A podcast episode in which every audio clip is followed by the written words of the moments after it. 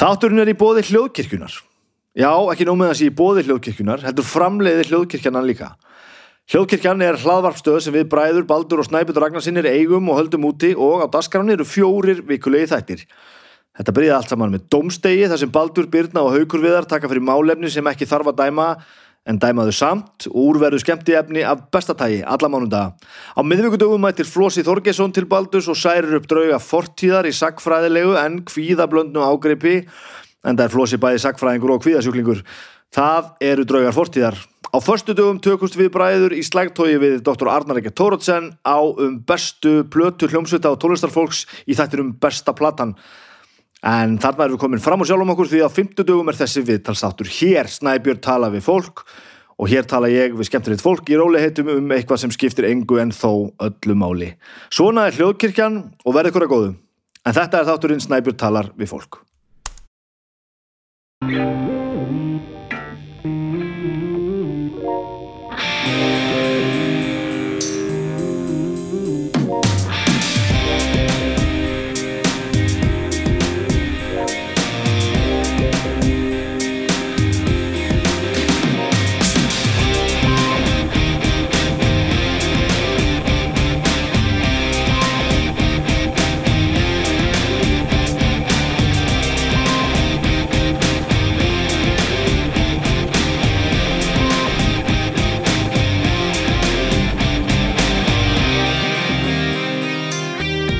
Já, komið sæl og velkomin í þáttinn minn Snæbjörn tala við fólk. Þetta er Snæbjörn Ragnarsson sjálfur sem talar aðra vikunni röð frá Húsavík.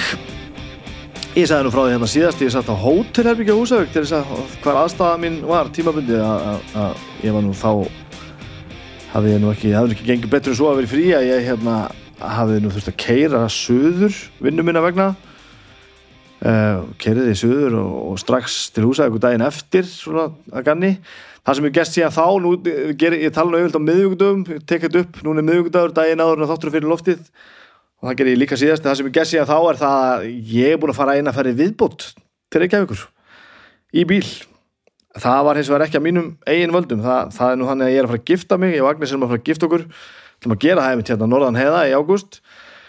Því fylgir náttúrulega stegja og gæsapartí og það er búið að gæsa Agnesi, það fór nú allt saman frábæðilega fram.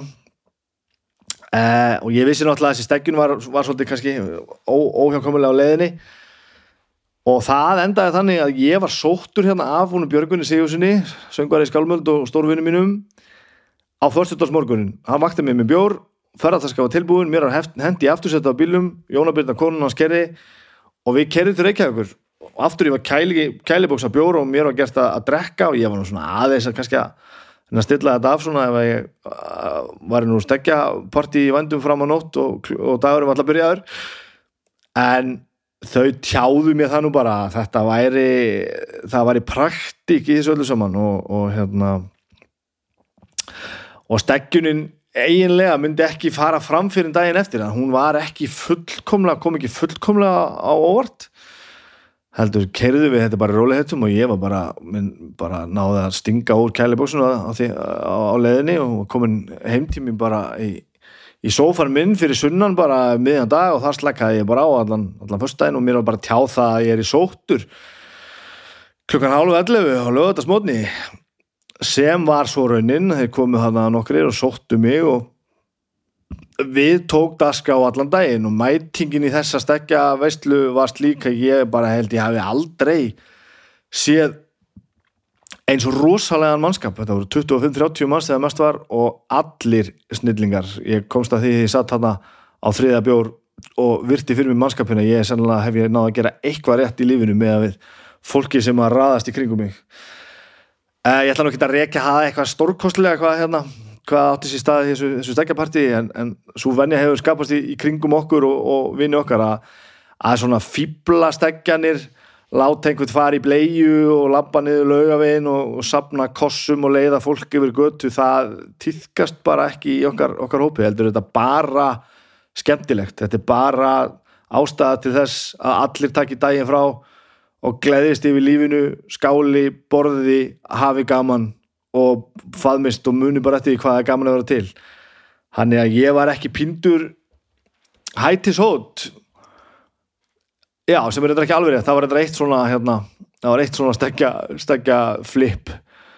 Því ykkar sem hefur síðan þáttinn Hot Ones á YouTube sem snýstum það að borða kjúklingavangi með hot sauce, löðrandi í hot sauce og, og, og svara spurningum. Það sem að fyrsti vangurinn á tíu er, er, er, er bræðuð minnstur og upp í einhver svona, svona styrkleika stig sem að enginn á að þurfa að prófa. Þetta, ég var settur í gegnum svona mín í svona prógram. Þráin átni settist á mótið mér með fimm kjúklingavangi og fimm handa mér og, og stigvaksandi fóru sósutnar og hann spurði mig einhverja spurningar sem ég kannski vildi ekki endilega þurfa að svara. En stóra gríni er kannski það það mér fellur afar illa að borða sterkan mat. Það er ekki mitt sko ég svitna nú yfir bara við að fyrir skóna og ég svitna bara oft við að bara kjötsúpu. Hann um leið og að það er komin einhver svona styrkur í, í, í matin, einhver svona sósa og chili og hvað þetta nú allt saman heitir þá, þá á ég erfitt með þetta. Hins vegar finnst mér það leiðilegt vegna þess að mér finnst þetta svo helviti gott. Þannig ég er búin að vera svona síðustu mánuði og kannski einhver, einhver ár að rembast við að kaupa svona hot sauce og, og, og ef það er, er sterkur matur einhvers staðar að smakkan sko, ég er svona þykist að reyna að byggja upp þól að þetta fór sérst þannig að við byrjum á fyrsta vagnum sem átti að vera bara svona einhver einhver réttrúna tomatsósa úr, úr, úr krónunni og, og, og ég byrjaði bara strax að svitna. En það var ekkert óbærilegt, þetta var alltaf lægi og svo bara borðuðu við næsta og einhvern með tvö var bara ennþá sterkari. En það var alltaf lægi og þriði og þetta var bara orðið mjög stert en þú veist, ég sá bara fram að þetta var fínt. Og svo var bara fjóriði vangurinn og þá var þetta orðið þetta var orðið svolítið spæsi en svona, ég var svona farin að blása og svitna duglega og svona ég held ég var nú sloppin í gegnum þá kom hins vegar hérna að loka vagnum þá held ég að þetta væri bara búið hjá mér sko. Þá, ég man ekki hvað sósan hétt hvað hún átti að vera sterk hvernig það var en það stökki þar á milli var ekki það var ekki mannlegt.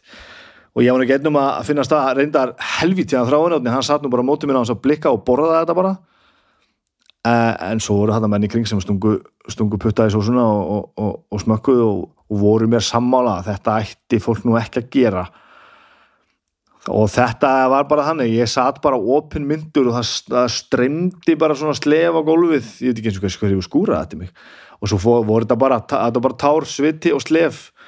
Og eitthvað veikum mætti að skóla á sem munni sem gengur náttúrulega ekki neitt. Og það fóru svona 30-40 mínútur í það bara að ná sér eftir á streika það var í líka árið held í ferskur það var búið að hreins út öllum, öllum helstu hólum þannig að þetta var gott og þetta var fyndið. Og að því að þetta var afmarkað og skemmtilegt atrið þá var þetta allt í lagi. En, en að öðruleiti var þetta bara góði menn að gera góða hluti með góðan mat og góðan drikk og mikið djöfull var gaman. Og takk fyrir mig, djöfull var þetta skemmtilegt. Það liggur við að ég stefnaði að skilja bara þú geti gert þetta aftur sko. Sjáum til með það. Um, síðast var ég á hótelherbyggi það var alveg fínt en ég, það, ég höfum bara svona fyrir slisni einhver aðgengja því eitthvað aðgengja því og svo höfum við það ekki núna og ég fór eitthvað að velta fyrir mér og spurði eitthvað, spurðist eitthvað fyrir hvort ég geti fengið að setjast eitthvað starf inn og það er náttúrulega allstaðar opið fyrir mann. En svo fekk ég þessa flugu í höfuð og, og tekkaði hvort ég mætti tilla mér hérna inn í leikhúsi gamla samkómuhúsi á Húsavík. Þetta og það var náttúrulega auðsótt mál og hér set ég núna og búin að stilla mikrofónu og vera að spjalla. Og það er eitthvað ótrúlega fallegt við það. Ég að veit gríðarlega miklum tíma hérna í, í gegnum tíðina lítið staðið á sviði sem leikari. Þetta verður ekki henda mér í gegnum tíðina að leika eða svona læra handrit og, og ég, ég hef prófað en mér er alltaf liðið illa með, með það sko.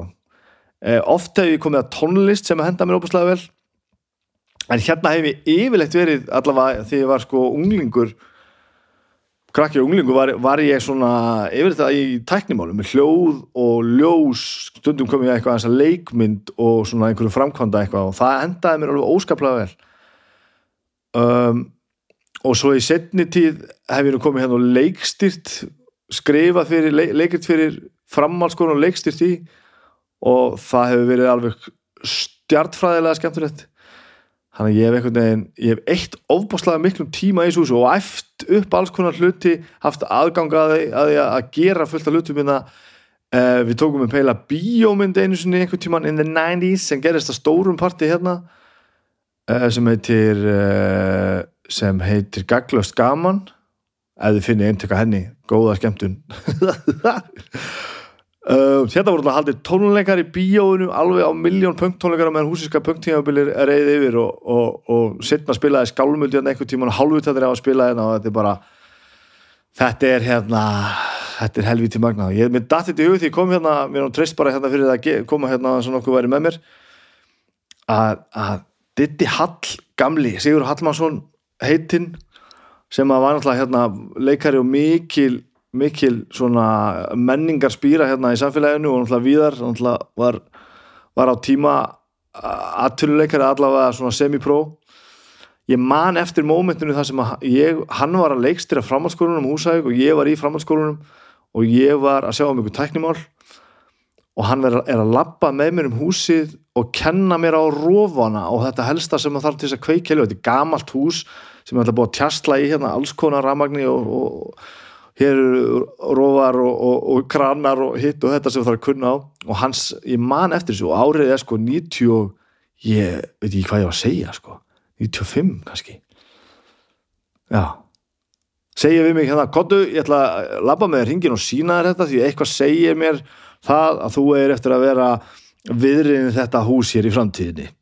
Og ég er svona eitthvað bara kærlu og svonlingur og skýtsaði um allt bara, ok, eldi, eldi mannin svona um allt og gerði það sem að, sem að síndi mér að gera og svo labbaði ég bara inn hérna á þann og ég kunni bara kveikjöld ljós og vissi nákvæmlega hvað hefði gæst og vissi alveg hvar hvar ég þurfti að gera eitthvað til þess að eitthvað myndi kvikna og það er ekkert alltaf logist og þetta er nú bara þegar Diddi helvítiðan Hall heitinn hafið bara rétt fyrir sér. Að ég, ég ætti eftir að vera í þessu húsi sennilega þanga til að ég eða húsi gefst upp þannig að þetta er fjandi gott. En allavega líka takk fyrir bara takk, takk til leikfélagsins fyrir að hleypa mér inn. Þetta er frábært. Um, um, ég veit ekki hvort ég þarf að þarf innan gæsalapa að gera meira af þessu öllu saman. Hérna svona á, á ferðinni með törskunum, með mikrofónuna, með hljóðkorti með allt sem ég þarf. Uh, og ég á að heiti sumafrí, ég, ég verði eitthvað fyrir sunnan og norðan skiptis. Uh, Baldur bróðum sem vinnur þess að þetta allar saman, hann er náttúrulega líka reymbast við, að vera í frí og hann er að reyna að vinna sér aðeins fram í tíman, svo getur farið bara í frí og hægt að hugsa um þetta og, og það er svona ég, það er nú sennilega að rífum upp á raskattinu og finna einhvern skemmtilegt til þess að tala, tala við hérna svona bara, já sennilega helst bara, bara næstu dögum sko, já bara ef einhver hérna norðan eða það, ég er svo sem á álíka bíli, ég get alveg kert eitthvað með töskura og fara og tala við einhvern. Ef einhvern dettur einhver í hug hérna skemmtilegu sem var í gaman að heyri sem ég geti tala við bara núna bara, bara öðru hverju megin eða á helginni þá bara endilega skjótið á mig línu, það er um að gera ég er til í allar ábendingar. Uh, djöfull er ég að blara hérna. Uh, Magni ég, ég fór bara fyrir bílinn og kerið til, til Akureyrar og, og ég hitti Magna í tónlistaskólanum sem heitir Tónræktin. Þar settustu bara niður með kaffi og, og það er eitthvað svo ótrúlega með Magna ég skil ekki hvernig það funkar ég held að nenni öllu, ég hef aldrei heyrt Magna segja nei við neinu. Það er bara, þó hann þurfa að stíða upp í flugvel þó hann þurfa að sko fara melli landsluta og þó hann þurfa, þurfa að ég veit ekki hvað og hvað, það er alltaf einhvern veginn ekkert mál. Og hann var nýkomin á æfingu hann var um síðustörgi að spila í Nirvana Pearl Jam tributinu sem var á græna hattinum og göknum hann var nýkomin á æfingu bara fyrir norðan og bara stegi út úr flugvilni og ég kom til Akureyrar og hann bara, já, ekkert mál. Og við bara settust niður og ruttuðum eitthvað til hann í tónlaskólunum hans og, og svo bara töluðum við út í eitt. Og það var gaman. Og hér kemur það, þetta er ég og Magni á, á Akureyri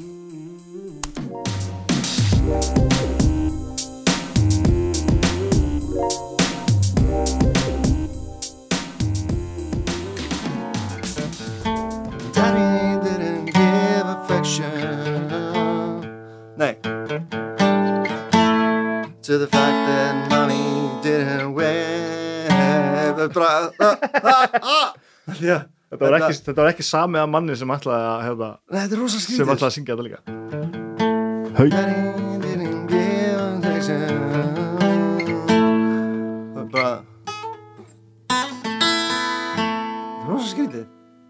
fokta breyðm í þessu Þú þarfst að læra þessu lög að kantu Nei, ég kanti alls maður sko bara, ah, Kantu öll þessu lög? Á gítar? Já. Ég þurfti aðeins að hérna já, já. Not for you og hérna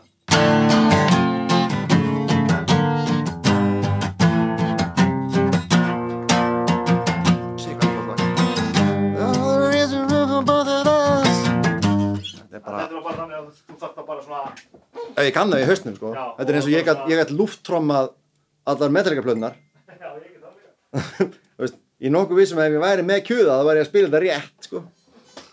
Ekki endilega vel nei, En- það var ekki Það var alls ekki ekki það sem ég saði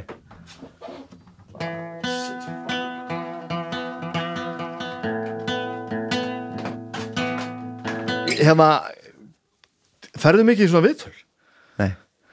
Er það nokkuð? Ég var eitthvað að tekka á sko bara að því ég reyni eitthvað að koma staði bara hvað fólk hefur gert eitthvað og svona google eitthvað pínu Sko ég, sa- ég fann eitthvað að er, gegnum tíðina Já. veistu, hef ég farið í svona trilljón viðtölu út á rockstar fattur Já, það er bara nákvæmlega að setja að segja næst Þetta, það, það er rosa mikið um rockstar já. og svo bara svona eitthvað svona eitt og eitt svona allt Jú, það er eitthvað, ég fann eitthvað pínu þetta er yfirleitt bara eitthvað svona plugg sko.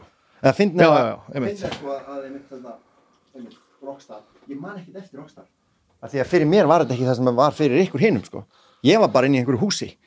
Svo var ég bara að læra einhverju lög og svo var ég bara að spila einhverju lög. Þú varst lokaður inni bara. Já, þetta er, raunverulega þáttur.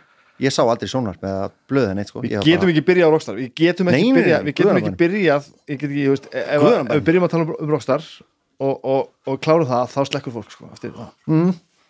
Sem Ég er ekki- Ég er enda fór í hérna þáttunars bubba yfir nokkrum árum að færibandið eða eitthvað. Já, já, já, já. Og það var sko Það, það voru tveir þættir því að við, hann talaði, við tölum svo mikið sko. Ég var bara eitt koni mentaskóla var þátturinn búinn þannig að við heldum bara áfram einhvern eftir. Bó fór fjórum sinnum eða eitthvað. Og það var geðið Það er skáker þetta var klikka sko. Og þá var hérna, nei þetta var bara svo ítalegt við vorum bara að spjalla. Og hérna svo var hérna já og, og, og þið eru þarna í rútunni? Og ég bara já, já, já. Fíknefni, ég bara nei það er enginn í hljóstum náttúr fíknefni. Nei, nei, nei, nei, nei, við vorum bara að spila böllum og bara, þú veist við bara vorum að fá okkur bara, við fengum okkur bjór og svona já, bullandi neysla. Og ég bara, já svo stjórnum sponsið á túborg já, bullandi neysla. Svo bara mæti Sævar í vinnuna daginn eftir fór að bara ekkert hlusta ekkert á þáttur sko. svo bara mæti hann í vinnuna daginn eftir í skólan það sem hann er skólastjóri og það var bara þeir strákandi bara í bullandi neyslu. Ha? hann var að fá þetta soundbite út úr öllum. Bara, já. Neini ég hef nú reykt eina síkartu, já fíkil það bara þú veist þetta er alveg þáttur við Gretu Salami, það var bestur. Já þarna, veistu, byrja að kíkja á stráka þarna? Bara 12 ára í katholskum skóla sko. Æ, bara, byrjaði að læra þeilu já, til að hitta strákana. Það var bara, hann bara helt áfram. Veist, það var bara basically næsta spurning var bara hérna, varstu byrjað að ríða þarna? Þetta var bara, hvað er að þér? Ég hef margt sagt um bubba um, um, um, um tíðina sko. Og eins og allir og kannski sérstaklega okkar aldrei sko höfum maður svo skoðun á þessu. Já, Ég spilaði með fyrst um daginn já, Hefur spilað með honum? já. Nei, býtu, jú, ég hef spilað með hennum en ég er líka bara, þú veist, ráðið hann á gig og allt svo leiðis, en þú veist, ég hef alveg verið já, ég hef alveg verið svona. En ég var sagt bara að spila með honum á hrauninu sko. Já, alveg Ég var bara bassaleikari í bandinu hans Já. að spila á hrauninu. Mm. og bara, ég er komin svona yfir hérna mesta bubbarhókan sko. Þannig að mér fannst þetta bara upphefðu skemmtilegt að bóðið þetta og bara frábært. Þetta er náttúrulega bara guð, skilur og svo bara byrjaði ég alltaf að fá að spila þessi lög alltaf utakasmann, ego-stöf á bassa sko, það er ekki eðlilega gaman. Og ég satt heima og hefði þetta og djúvöldur þetta skemmtilegt og djúvöldur með klárir og djúvöldur þetta sniðut allt og Jakob Smári maður. Þetta er svo sturla sko. Svo fórum við og hérna æfðu með þetta, þú veist, bandið ánan sko. Tvís að þrís og sinnum eitthvað, bara geð gaman skemmtilegt band og bara mikið punk og svona Já, já, já. góð, góð sáli í þessu sko. Svo mætti hann alltaf á veist, duglegu kallið maður, mætti að færa þrjár æfingar eitthvað, vildi alltaf æfa meira sko. Mætti á fyrsta æfinguna, fór að segja sögur og bara við stóðum út á gólfi bara með, með hljóðfærin á okkur og eitthvað og svo bara, ja, renni þetta djústrasl og bara fyrsta lag, hvað er fyrsta lag? Bara blindsker. Og bara já, byrjuðu að spila blindsker og bara, þú veist, við kunnum mynd allt saman. Svo byrjaði hann að syngja og ég fekk bara svona, ég verð nú ekki oft starstruck sko, en það, það, er, það er að að ég veit nákvæmlega hvað þú meinar. Þetta er nefnilega, hann hefur þetta. Og þá fattaði maður bara, ok, ok, ok, ok það er eitthvað þarna, þetta er ekki bara þú veist, Já, ég meina, ok, ég kann hérna 40 lög með þessu manni, það er kannski einhver ástæða fyrir því. Það skilur, akkurat. þú veist, það er ástæða fyrir því að við byrjum allir á ring, gang, gang, gang, gang, gang, gang, gang, gang, gang, gang, gang, gang, þú veist. Það er alveg nóg, bara þetta lag var alveg nóg. og ég er alveg nóg sjóaður og þroskaður til þess, veist, fattar þú veist ég þekki hann ekkit brjálega slag vel, við erum bara svona mestalega í málkunni og þegar ég hitt hann þá var ég ekkit starstruck sko. Nei, nei, nei, nei, það og að og ég held að ég ætti ekkit eftir í þessu sko. Já, já, já. svo bara byrjaði hann að syngja og ég bara holy shit. Að það eru nefnilega mjög fáir tónlistamenn sem ná þessum stalli að sko tónlistamæðurinn er, að, þú veist, þú getur aðgreindan frá manninum. Fattar já, mig? þetta eru bara tveir gaurar. hessi hérna. Þetta er ekki gaurin sem þú vorst að spila með skilur það, það, það er eitthvað annað þegar, að, þegar hann er konur bara svið sko. Eins og einhver sagði sko, Bibi, það þarf ekki að vera leiðilegt á tónleikum þú þarft ekki að predika sko. spilaði bara lög, þá verður allir svo glaðir Herðu, já, ég var að gera þetta bara svona já, Ég er að finna út í hvernig festir hann stóla aftur. já ég kann ekkert á þenn stól Ég er ekki við, er ekki við mínar, mínar kjör heima aðstæða sko. Gott, þetta er komið það eru fleiri stólar líka Nei, þetta er gott, þetta er frábært trommustól, þetta er hárgæslustól Þetta er, alveg, þetta er hérna monumental viðtal sko, þetta er fyrst gett sem ég get ekki í, í, í eldhúsinu heima sko. já, þetta er stúdíó samt sko. Nei. Þetta er stúdíó, já. Að segja, það ert inn í stúdíó núna það er snákur þarna Það er rétt. Ég sé líka allir sem ég er búin að viksla rásum sko. Ó, nú er baldur eða, eða sko. Það er góð. Herðu, ég hérna, mér, mér langar bara að, að fa- fara bara alla leiðin aftur sko. Mér langar bara að vita eitthvað um þig. mig, Ég, augljóslega ertu að borga fyrir Istri. já, ég er mjög Það stoltur af því kemur mjög oft fram. já, En ég er alveg til í að bara, fara ennþá lengra átt að það er eiginlega vandrarlegt, að mamma og pappi eru bæði frá borgar fyrir eistri þannig að það Já, þú ok. getur farið ennþá lengra aftur sko. ég er bara borgaringur algjörlega í veit húð þetta og hár, hljómar sko. hræðilega. Eh, eh, þetta á ekki að hljómar svona umulega, en ég ætlum að því ég er nú svolítið mikið frá húsæk, en ég á engar ættir það sko. En vini mínir og vinkonur sem að eru frá æ- ættuð mm. og fara svo að spyrða sér saman Mm eru þau skild eru stundum óþarflega, óþægilega skild já, mamma og pappi nefnilega eru úr sikkori fjölskyldunni sem eru sem sagt tvær stæstu fjölskyldunar Já, ok. þetta er svona hérna Capulet og veist, þetta, Já, er bara, já, já. þetta er alveg það sko. Nema það var ekkert vesen hjá þeim þannig að þetta er bara, já ég er afsprengi tekja stæstu svona, stæstu ættana á borgari ok, og já, bara alin upp þar og bóndasonur og uh, þriðji bróðir og tvo eldri bræður og eina yngri systur. Og uh, við vorum sex í bekknum mínum sem Já. var mjög mikið af fólki. Uh, bekkurinn fyrir neðan okkur heiti Svenni. Það er sem næsti næsti árgangur fyrir neðan og uh, við vorum svona 20 í skólanum og, og bara eins og ég man þetta þá bara alltaf sól og blíða og allir úrslega glæðir og svo vitna var maður að sleða Veist, það er bara en full, full size skóli Já. það, það sem að við köllum núna fyrsta til tíunda uh, upp í bekk. forskóli til níunda bekk já, hét, þetta hétt níundu bekkur þegar við vorum ungir þegar við vorum í níunda bekk já, þá, þá, þá, þá síðasti bekkur var tekin á eigðum sem sagt, já, já, fyndi þá bara litlu, litlu skólanir fyndi framhaldsskólanum það uh, þar byrjar uh, þar byrjar það sem, að, það sem að fólk í dag skilur eiginlega bara ekki alveg. Að sem sagt, þegar við fórum í síðasta árið í grunnskóla sem sagt, Aha. sem er tíundu bekkur í dag þá fórum við sem sagt að heimast skólan eigðum það sem að er sem sagt, var sem sagt síðasta árið í grunnskóla og svo mentaskóli þannig, Já, að- já, þannig að já, þú já, fórst já. bara þarna, hvað er maður, 15 ára? Þá Já, komum ára heima veist, með 18 og 19 ára úlingum bara, og í rauninni og bara er engin, gangið vel sko. engin aðskilnaður þar að það er bara sikkur að vistir en þú veist, já, já. það er samt engin aðskilnaður er í, og kent í saman skóla? Já, já, er bara við vorum bara með basically okkar stofu held ég, svo bara, þú veist. Uh, þarna læri, þetta er svona krasskors í, í að fullornast af því að þetta er sko krakkar úr sveitaskólum sko, eða svona litlum já, bara svona litlum bæjarfélum er þetta svona ennþá? Nei, þessi skóla er ekki lengur til hann er laðið Nei, nei, niður nei. bara ég náðilega síðast árinu á það svo rann hann sama með mennskólan eistöðum sem að þýtti basically bara að hann var strókaður út sko. já, og já, þetta var basically bara nákvæmlega eins og laugar sko.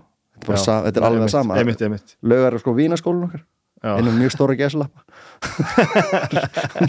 allavega heldur skólastjórnundur þetta var í vínu skólar en ég, alltaf verið plássmál eða alltaf sé, alltaf sé, sé strategist til þess að að veiða þig í skólaskildunni inn í skólan svo þú haldir bara áfram. Ég hefði allir farið eða hvort þið er. Eða var bara svona, fyrir okkur var það bara eins og að fara bara í Harvard sko, þetta var bara svona þetta, er, þetta er 50 km frá borgarfyrir sko, þetta er leiðir bíðist það nákvæmlega. en það bara, þú veist, um leið og eldri sískinum var fór að þanga þá bara voru við sett í einhver svona guðatölu. Mm.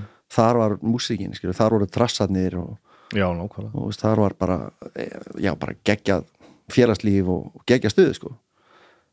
Eftir á higgja var náttúrulega líka geggja einelti og geggju vitleysa en, en, en fyrir svona okkur sem að hafa svona svolítið farið í gegnum lífið bara svona eh, veist, þá, þá var maður aldrei var við það einhvern veginn.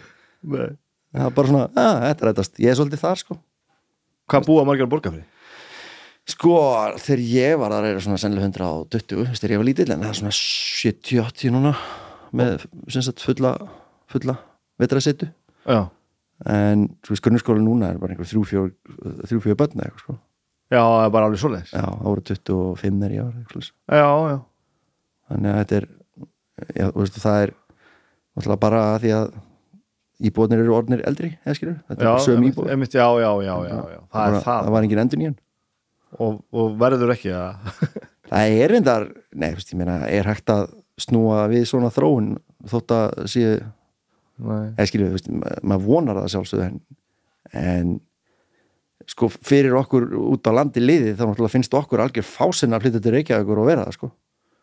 Veist, mér finnst það bara ekki mega neitt sens þess vegna flutti ég eftir til Akureyrar veist, ég, eða, semst, við vorum í Reykjavík í, ég, ég segi ég plánaði tíu ára Reykjavík sko. en, svo, svo, en ég gæti seint ekki alveg hugsa mér að flytta aftur á Borgarfjörða því að þar er, er svona vinnum minni samkvæmt er það bara ekki hægt sko. nei, en þá einhvern veginn fannst mér Akureyri besti kosturinn. Já, já það er stutt heim og, og ég stutt suður líka sko. Þetta hljóma náttúrulega eins og bara einhver skelvilega spurning. Hvað, hvað gerðu fóreldri henni? uh, já, pappi er söður fyrir bóndi Já, og mamma uh, já bara, ekki bara basically húsmóður, bóndakona og, og frumkvöðleila í ferða þjónustuðu á borgarfyrir, hún var rak hérna uh, veitinga uh, veitingahúsið á á sumrin í hérna fjaraborg félagseiminu ok. Og var bara með svona var svolítið að undan öllum hinum í því sko, Já. bara byrja að stekja hambúrgar á henni lið og við vorum sem með Tomma hambúrgara. Hún, bara, bara, og Tommi voru bara bestu vinir sko. og hétt þetta Tomma hambúrgarar ekki hambúrgara búlan Bara branding já, bara. bara þetta hétt Tomma hambúrgarar í að við vorum með þá. Burgarar þannig ég er svolítið alveg upp sko á sumrin bara í heiskap og að borða hambúrgara og svo vetum það bara veist, með kindunum sko Já, og svo, já ég svo bara, náttúrulega mamma vinni fiski og þegar ég var lítill og, og allt það, en bara svona með. Ég held að ég verða að játa það fyrir þér Ég hef aldrei komið að það að borga vel það er gott að eiga eitthvað svona eftir. Ég Ég samgleðast, ég þér. Ég var að, ég var að, var að hugsa þetta bara leiðin ég, að ég er búin að koma bara í mér líku við að segja bara næstum alla þéttbæliskjarna á já, ég Landinu, sko. er svolítið með þér þetta hef ég bara, ég held ég hafi bara ekki komið að það það er líka vegna þess að þetta er ekki inn í ringnum sko. það er, er ekki, það er engin ástæða til þess að fara að Nei, það ekki nema þú að setja- ætlir að fara að það ekki nema allir annarkvort að spila í Fjörðaborg eða fara að sjá lundana sko. er bara, já, já, veist, þetta er veist, í, í dag er minna, þetta er eins og bara núna í sumar er, er gjörsanlega brjála að gera þarna af íslenskum túristum sko, Já. að, að lappa þarna upp í fjallu fyrnindi það eru sko sagt, svæði frá borga fyrir að segðisfyrir er svona eins og blævængur veist, það já, þannig. Já, þannig að það er, veist, það er endalust að litlum víkum Breiðvík, Húsavík, Lóðmutafjörður allt þetta, Aha. þetta er allt í eyði og veist, það, allt, það eru stórir göngulega skálar hana í allir stöðum og hann er fólk bara lappandi upp í fjallu fyrnindi og, og því líka fegurinn sko. Og ekkert, ekkert mikil fyrirhöfna að- Nei, nei, alls ekki, þetta er er, er ekkit klif sko. Nei. en þetta er mjög þetta er mjög fallegt svæði þú ég, er, ég er svolítið alveg upp í því að að gera mig grein fyrir að þetta sé fallegt svæði það er svolítið búið að segja mér það. En þú veist, það er svona heima glatt fólk já, já, ég meina, þetta er samt mjög, mjög skrítið landsvæði sko, af því að þú veist, þú ferð eins og vestur og svona, það eru fjöllinu öll svolítið eins skilur mig, já, þú veist, þau eru mjög flott já, en þú skilur hvað ég meina, þau eru svona, þetta er sama bergtegundir sko, já. þannig eftir með sko bara eitt líparett fjall við hliðin á kolsvörtu fjalli við hliðin já. þetta er mjög skrítið sko. Það var eitthvað, það var eitthvað flipp á guðið þegar hann var með eldgóðsann þannig að já, En þetta var sætt lífið, menn það var bara út að leika í skólanum og þú bara að vinna. bara, bara BMX og, og sleðar og Já. svo bara þegar það dreigist snjósleðan í gang, þá máttu nota hann og Já, já, svo, svo ef að bíókvöld í skólanum þá bara fórst á trættóðum þessi sko. Og já, og svo var maður bara í heiskap og já, bara eintum gleð og hamingja það er í álurinni, bara. En svona meðan á þessu stendur og þér, þú ert á þeim aldrei finnst manni þá ekki eins og þú veist að, að vant eitthvað. Það, þú veist, ég held að mér hafa aldrei fundist það sko. Ég reyndar sko eh, svo heppina sko, amma og afi til dæmis þau byggu á borgarfyrði bara, ég lappaði þanga bara á skólanum og sér kleinur. Og erum svolítið aldrei upp þar líka og veist, svo hómaður í garði. Svo ætti ég sko líka um að hafa í þólasöfn sem að fyrirlega nokk er sko eh, long story short þá sem sagt eh, eignaðist amma mömmu, hún er sem sagt elst. Og svo flutti hún suður að því að hún kynst afa á sagt önnursaga og eignaðist fullt af börnum þar. Ok. og allt í góðu sko bara, sagt, þannig að mamma var bara alveg upp á þeim afa sín hjá sér sko. Og allt í gutti eh, þannig að ég og fjörskildu í þólasöfn þannig ég fór alltaf þangað svona annars leið já, já, já. sumrin og vinni vinslustöðinni þegar maður er aðeins stærri og, og veist, þar var ég lamin og svona þannig að þá gæti maður svona séð já, þetta er hinn hliðin á teininum því að let's face it, Þorlásson var ekki alveg sko, það var ekki Manhattan á þessum tíma, nei. meira svona aðeins einu með við restateinuna sko. Og hérna, þar kynntist ég hins vegar alveg, þú veist, geggjum hópa drengjur líka, sérst, ég á fullt af frændu þar og þar kynntist ég öllum hérna Jónasi og öllu þessu liði sko. Já. og er enda þekkti Jónas líka í gegnum bróðum minn. Og, og þá lendi bara henni tónlistasenunni þar og þar hérna, hlusta á þetta hvað er það, Smashing Pumpkins, á kekja veist, músíkina sko, Já. frá frendum mínum í Þólasöp sem komum svo austur, bara með hérna videospólu sem tóku upp á MTV bara, þetta er Pearl Jam og þetta er þetta, þetta er þetta. Og við bara pikkum pluss og eitthvað bara, geggjað. Og fram að þeim tíma höfum við bara hlustað á Metallica og Iron Maiden á kassetum Hvað við er þetta með? bara við strákandir fyrir austan sko. Allir strákarnir bara? Já, sko, eh, báðir. En við, sko, ég á svolítið stóran frændgarð af sagt, strákum á mínum aldri sem að voru sem sagt uh, ég var basically í tveimur hljómsveitum þegar ég var lítill og þetta voru allt frændi mínir sko. bara, það bara svona tekkjar aldursmunur á okkur öllum Og Hvað kallar lítill? Bara, ég bara, bara, grunnskóla tíu Já, alveg bara þarna hann var tíu ára á drómur og ég var tólf ára að syngja Já, ég skilði og hérna, já, en þetta er svona við vorum byrjað í hljómsveitum þegar við vorum svona 10-12 ára sko. og þá við vorum ekki að spila Aero Maiden og Metanleika eða að spila því, sko, við kunnum þrjú grip sko. við vorum að spila ég- Ó María með langar heim sko. ég, Já, ég ætla nú meira að spyrja bara af hverju voru í hljómsveit? Hvað var sem uh, sko full disclosure, svo ég sletti nú aðeins meira ég er giftur íslensku fræng bara að hlusta aldrei á þetta uh, Þröstur Fannar Átnason er góður drengur sem að uh, býraborgari og hérna hann er hvað, því tveimur, þreimur ára meldin ég hann er mest í bítlaðadánd í heiminum held ég Ok.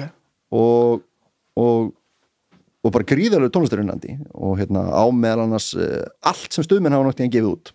Minnst að fyrstu smáskifunar sko. Og spilið. Og spilið og allt saman. Og hérna uh, Jakob Það er finnst búin þú að sjötum Hann er bara síðan 70 eitthvað 70, já hann á fyrstu hérna 71, 2 eða eitthvað. Fyrstu sjöttumunur og allt sko. Jakob er búin að sæna og að þetta sé allt rétt sko. Það vantar ekkert. Sjó til. Og hérna hann sem sagt bara verandi orðin eitthvað 14 ára eitthvað bara segir við okkur hérna við erum á stónum hljónsitt bara mjög langar hljónsitt ég spila bassa.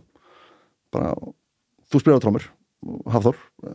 Já ok já Macintosh dollur eða eitthvað bara læra á trómur og bara ég, þú syngur og þú syngur og þú spilar á gítar.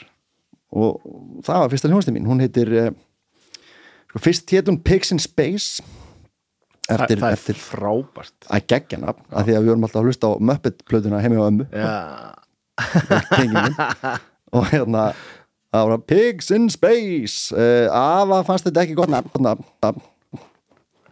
og sagði að það er grasasnar af því að hérna þannig að við skiptum við í gamegrísirnir sem er geggja nafn. Það, það er alltaf frábært nafn. Og einhver hluta vegna þá til þess að aðgreina okkur frá öllum hinni hljónstunum þá hétt hljónstin hinn er borgfiskur svo Not to confused with Akkúrat. ah. Þannig að þarna vorum við bara einmitt frá 10 ára upp í 14 ára að spila Ómar ég með langar heim eða eitthvað og, okay.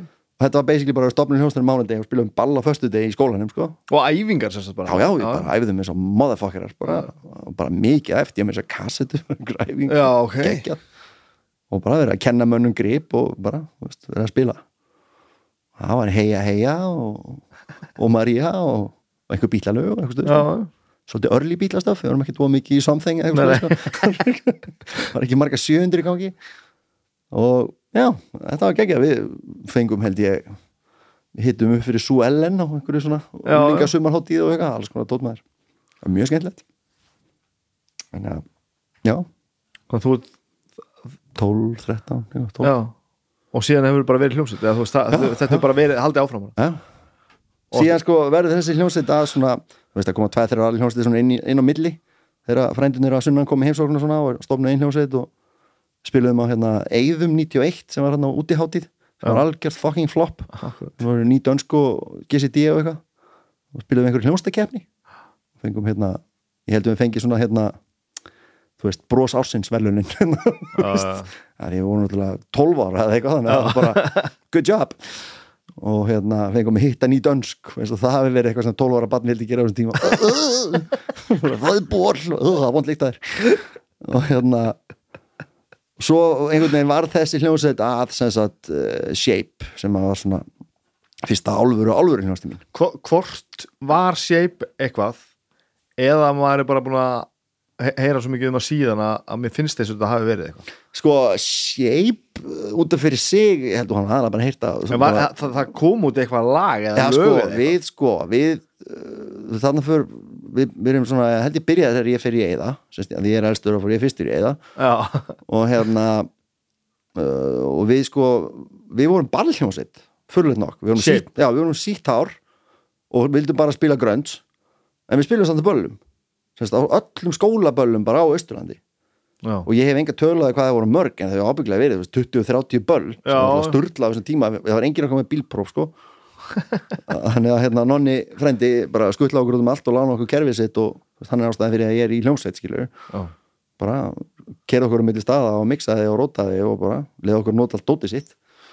Og hérna e, og svo erum við bara eðum og þú veist, svo fyrir maður bara að spila eitthvað skólaball fekk svo bara einhvern, þú veist ég veit ekkert hvað, einhverju nokkra þúsund kalla fyrir fattar við, en allavega nót til þess að manni finnst maður að vera bara loaded út mánuðin, fyrst kannski 20 skall eða eitthvað.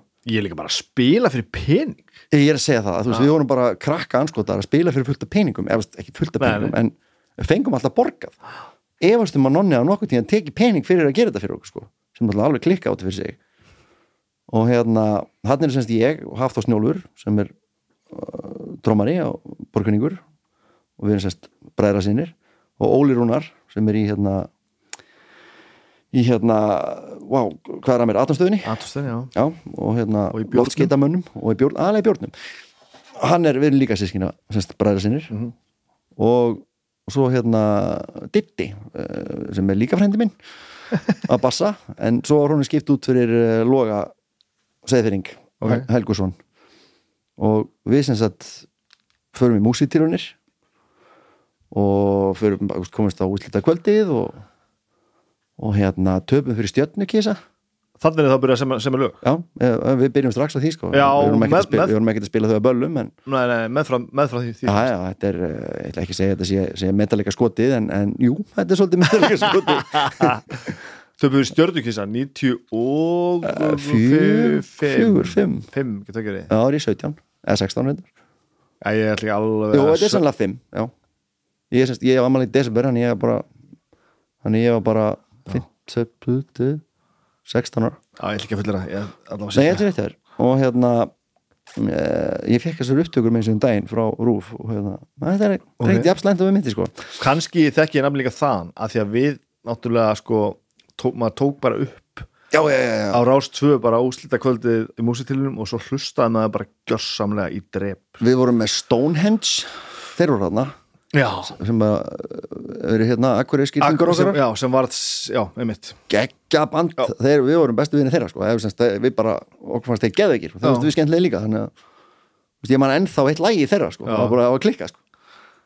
Og uh, ég held að við báðar hefumstundu komist á úslit sko og svo gáði semst út plötu sem að hlýtur að vera líka út plata já. já, sem Já. hlýtur líka að vera merkilegt þegar út 16 ára. Ég er elstur sko. En hvernig gerist það þá? við bara spilum óslega mikið að böllum og tókum Áttu við bara plötu. pening og tóku við plötu? Það var bara, þú veist, bara ég hluti af peningunum fyrir að spila fór bara ég að taka upp plötu. Þetta er svona e, veist, þetta er ekki full breyskífa þetta sé ekki einhver sexjö lög bara, svona EP eitthvað. Og eldist alveg glettilega vel svona, þú veist, þannig séð. Uh -huh. margt verra frá þessum tíma sko. en hérna ég er ekki að segja, ég hlusti mjög ofta á þetta en, en mér finnst það alveg fyndi sko. Já. fyrsta setningi sem ég söngin á plötu var Death is calling. Gott að byrja þannig. Ég veit það. Death is calling. Það er bara takk fyrir. Allt á móti eftir það. En þannig erum við, þa- þarna erum við bara komin í full blown mót að vera bara í hljómsveit og það er bara að vera að spila fullu og taka upp og Já. gefa út plötu og það er einhvern veginn aldrei neitt svona á eiginstöðum sko. Já, já, ég er bara að velta öllum aðstæðum fyrir mér. Þetta er einhvern veginn svo, þetta er pínu festæðukent sko. að einhvern veginn bara við tókum þetta upp sko nýr á Norrfyrði í stúdíó Reis já, það er Norrfyrði, það var að segja sér ég maður ekki alveg. Og sko ég spila kontrabassi einu leginu já, ég aldrei sé kontrabass áður. Þú veist, þetta er bara, okkur fannst þetta ekkert aðtugavert sko. við bara, við erum bara fyrir að tökum við plötu. Bara sannfæringin var bara þannig að það var bara, nei, er bara, við erum í hljómsveit þetta gerir maður. Já, það er bara til hversi anskotan ef við erum í hljómsætti ef við erum ekki að taka upp plötu. Ok, og hérna ég heldur endar að Óli Rúnar hafi verið svona driffjörn í þessu sko. hann, það er ekkert ómögulegt fyrir honum. Nei, það hefur alltaf verið það. Hann, bara, hann er bara frá þannig heimili og einhvern veginn alveg upp í því svona hugarfari og hann hefur alltaf verið svona bara frá- frá þeim litlir við fórum einu svona saman nýra á hérna, Eskifjörð og Kvennafar og gistum þar. Mm. hann var 13 ára eða eitthvað. Svo ekkert aðtöfuvert við þetta. Svo bara húkuð okkur fara aftur upp í eigistæði daginn eftir eða eitthvað sko. Það sá engin eitt aðtöfuvert við þetta. Ok. ja, held ég allir nema við. En ég bara, já, já við hljóttum að vera að gera það. Fyrir Þú veist, eh, þannig er samfæringarkrafturinn í þessu manni sko. Þannig að bara, við erum að fara í myndatöku svo erum við að fara niður á segjus og taka blötu en orðfyrir maður ekki. Og bara við erum að fara í músitilunir og bara, já, ok, við gerum það. Já, og bara gegja það og við erum að fara að æfa hérna þrísvar í viku og bara ekkert kæfta þess og æfið þá bara í skólan með þess já, semst á Eyðum var hérna eh, fyrst á Eyðum, þá semst að uh, þar var bara æfingarhúsnæði, alveg geggjað sko bara kallað stúdíóið, ok, þar voru bara hljófæri og, og hérna hljókerfi og þar voru, veist, það voru okkur 50 hljómsveitir eða eitthvað, ég voru og Já. allir hljómsveit með öllum, já, en svo æfðu við bara í Fellabæ, í hérna, vestæðinni hjá pappans og það sem allar græðina voru sko. Þessi nonni er sem sagt heiti Jón Argríms og hann er sagt uh, í hljómsveit nefndin fyrir austan. Hann er búin að spila fleiri þorrablót heldur en við höfum bara séð hljómsveitir einhvern, eða þú veist, ég veit ekki hvernig ná að útskýra þetta sko. Veist, hann er bara búin að spila þorrablótum í þú veist, 40-50 ári eða eitthvað. Og það er ekkert sem við getum gert sem hann hefur ekki gert á undan sko. og bara, þú veist, þeir eru bara ég hef skoða myndir á hann með gítara sem við myndum drepa fyrir bara Já, já, 1972 bara með krulla sítt hár. Og maður bara, goddammit, þessi menn eru búin að gera alltaf undan okkur sko. já við erum bara þykjast það er alltaf þannig. Já, já, jésús, það er líka um leið og þú fattar það veist, þá fer svona ákveðin gorgeir sem að gerir fólk pirrandi. Já, já, veist bara, þú heldur þú sért rosalega mikið með þetta en þetta var gert í fyrra bara, veist, og árið þar áður. Og næsta ári þá kemur einhverju að gera eitthvað annað og þá eru þú þetta sem gerist í fyrra. Þannig að bara, þú veist, enjoy it ekki vera að fá þetta, skilur það er rosa fínt að fatta þetta bara að snemma, sko. Já, en maður þarf samt að fá að fatta þetta sko. Já, já, maður þarf að vera þessi gaur eða ákveð já, ákveðin já, tíma já, og, og Já, svo svona, svona sígur allt í inn svona já, já, já og þá þetta fara að segja, sorry og hérst þú verður svo kontroversial líka sko, alltaf já, já, bara já, einmitt, það er allir að tala um hvað við vorum að gera. Það veit enginn hver og ert, það er enginn að tala um þig. Og það er öllum sama. Það er öllum alveg sama. Algjörlega, kannski mömmuðinni eða eitthvað sko, bara, veist, that's about it sko. en En þá, að- hvernig með, finnst þú er mikil músík og svona eh, eh, ætlar aldrei að verða neitt hvað varst að læra, veist, hvað, hvað, um hvað varst að hugsa annað? sko, var ég búin að minnast á það að ég hef svolítið flotið í gegnum lífið á svona, meh, þú veist. Þú veist ekki bara að minnast á þannig að svona svolítið, ég held ég að við snemma átta mig á því að að hérna að þetta rat race þannig, þú veist er ekkit skemmtilegt sko. Ég hef aldrei hatt pening. Og Nei. þú veist, pappi er aldrei hatt pening. Nei, nei, nei, nei. ég veist sko, það er líka rosa annað sem er rosa fínt að fatta snemma er að, að þú fæðist inn í stjætt þú ferð ekkit út úr þessari stjætt nema að þú giftist einhverjum úr engiðar fjölskyldunni eða eitthvað skilur en hérna, þú veist, annars ertu bara þarna skilur þú veist, ég, ég er bóndasónur sko. Já, ég verð bóndasónur, ok. Fattar mig. Já, og, og mér finnst það æðislega sko. Þú veist, ég er rosa þú veist, í dag á ég rosa fínt einbýlisús og akureyri, ég hef ekkert í bankin á það sko. Já, já, einmitt. og, og veistu, ég hef einhvern piece of shit sérulegt skilur og, en ég á hins vegar fjögur börn og æðislega konu og flotti gítara og, og ofsalega mikið að minningum og alveg ofsalega mikið frítíma. Og það skiptir mér bara miklu meira máli. Já, og ég held ég að fatta það strax. Þannig að nei, ég ætla aldrei að vera neitt. Og þú fattar strax að þetta var það sem myndi skipta í máli já, bara að þú veist að skiptir einhver máli hvað ætlar að verða. Það er spurning hvað að gera, sko. Og það er hérna nei, meni, ég, ég hef aldrei farið í skóla með því hugafari að ætla að verða eitthvað. Eitthvað sérstakt, fattur mig. Ég fór alveg í skóla með því hugafari að ætla að gera eitthvað, skilur, læra en það var aldrei, ég hef alltaf verið á félagsveifbröð sem orðar þannig, já, já, já, ég skilji en ég meina, ég er ekki ennþá búin að fatta hvað að verða þegar ég var stór, sko. Nei. En, en, varstu með það í myndinni að þú ætlaði bara að vera mú- músíka, þú veist, að, Ég held að það hafi bara, já, ég held það. Sem sagt, nei. Jú, svo veist, ég, ég hef alltaf, Það ég já, hef víst já, alltaf verið við- óþólandi, sko. Já, já, við, þú varst ekkert búin að ákveða bara, já, ég, þetta er það sem ég ætla að gera. Nei, þetta er bara það sem gerist já, já, En eins og var, ég hugsaði aldrei Ég ætla ekki að vera tónlistamæður Ég, ég, ég bara, mér fannst það strax svona rosalega eðlilegt. Veist, Þetta er gaman, ég ætla að gera þetta. Ef ég hefði eins og var ákveðið, ég ætla að vera tónlistamæður þá væri ég kannski góður tónlistamæður þá væri ég kannski góður gítar eða eitthvað. Já, já, Ég hef aldrei gert það, skilur nei, Ég er bara hérna, þú spilur gítar. Já, ok, flott, það er gaman. Veist, ég er hérna þetta er, þetta er líka löstur sko að vera veist, ég er larfur sko. Ég, svona, ég sest ekki niður og einbytti mér að því að læra á þetta eða veist, gera þetta. Skilur, ég, ég, ég get tekið upp ég get spilað á bassa, ég get spilað á piano ég get, ég get ekki spilað á trommur en, en veist, en ég er ekki góður í neina þessu sko, mhm. Þú veist, ég get ekki hérna útskipt fyrir þér EQ-ið eða eitthvað veist.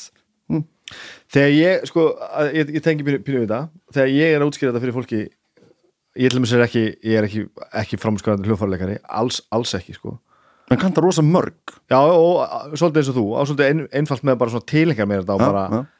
en, en sko ég læri eiginlega bara á hljóðfæri til þess að flytja það sem ég er að búa til, sko. Nákvæmlega.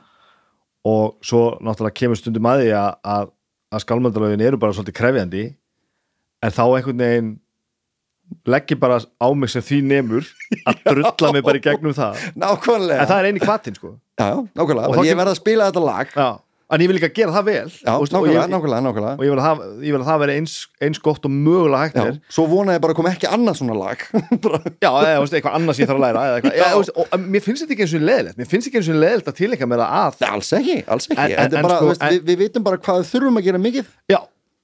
Og svo fyrir við bara að gera eitthvað annað. Og hvatin er ég er að gera þetta til þess að þetta gangi upp. Nákvæmlega, en sko, þegar fólk fyrir svo að spyrja sko, en þeir eru aldrei dott í huga bara, bara, bara gera þetta almennilega. Og bara, ef ég ætla að setjast niður og æfa mig til mér svo bassaði gítar tvo, dag, tvo, tvo, tvo tíma á dag, alltaf mm ég veit ekki að hverju ég er að stefna.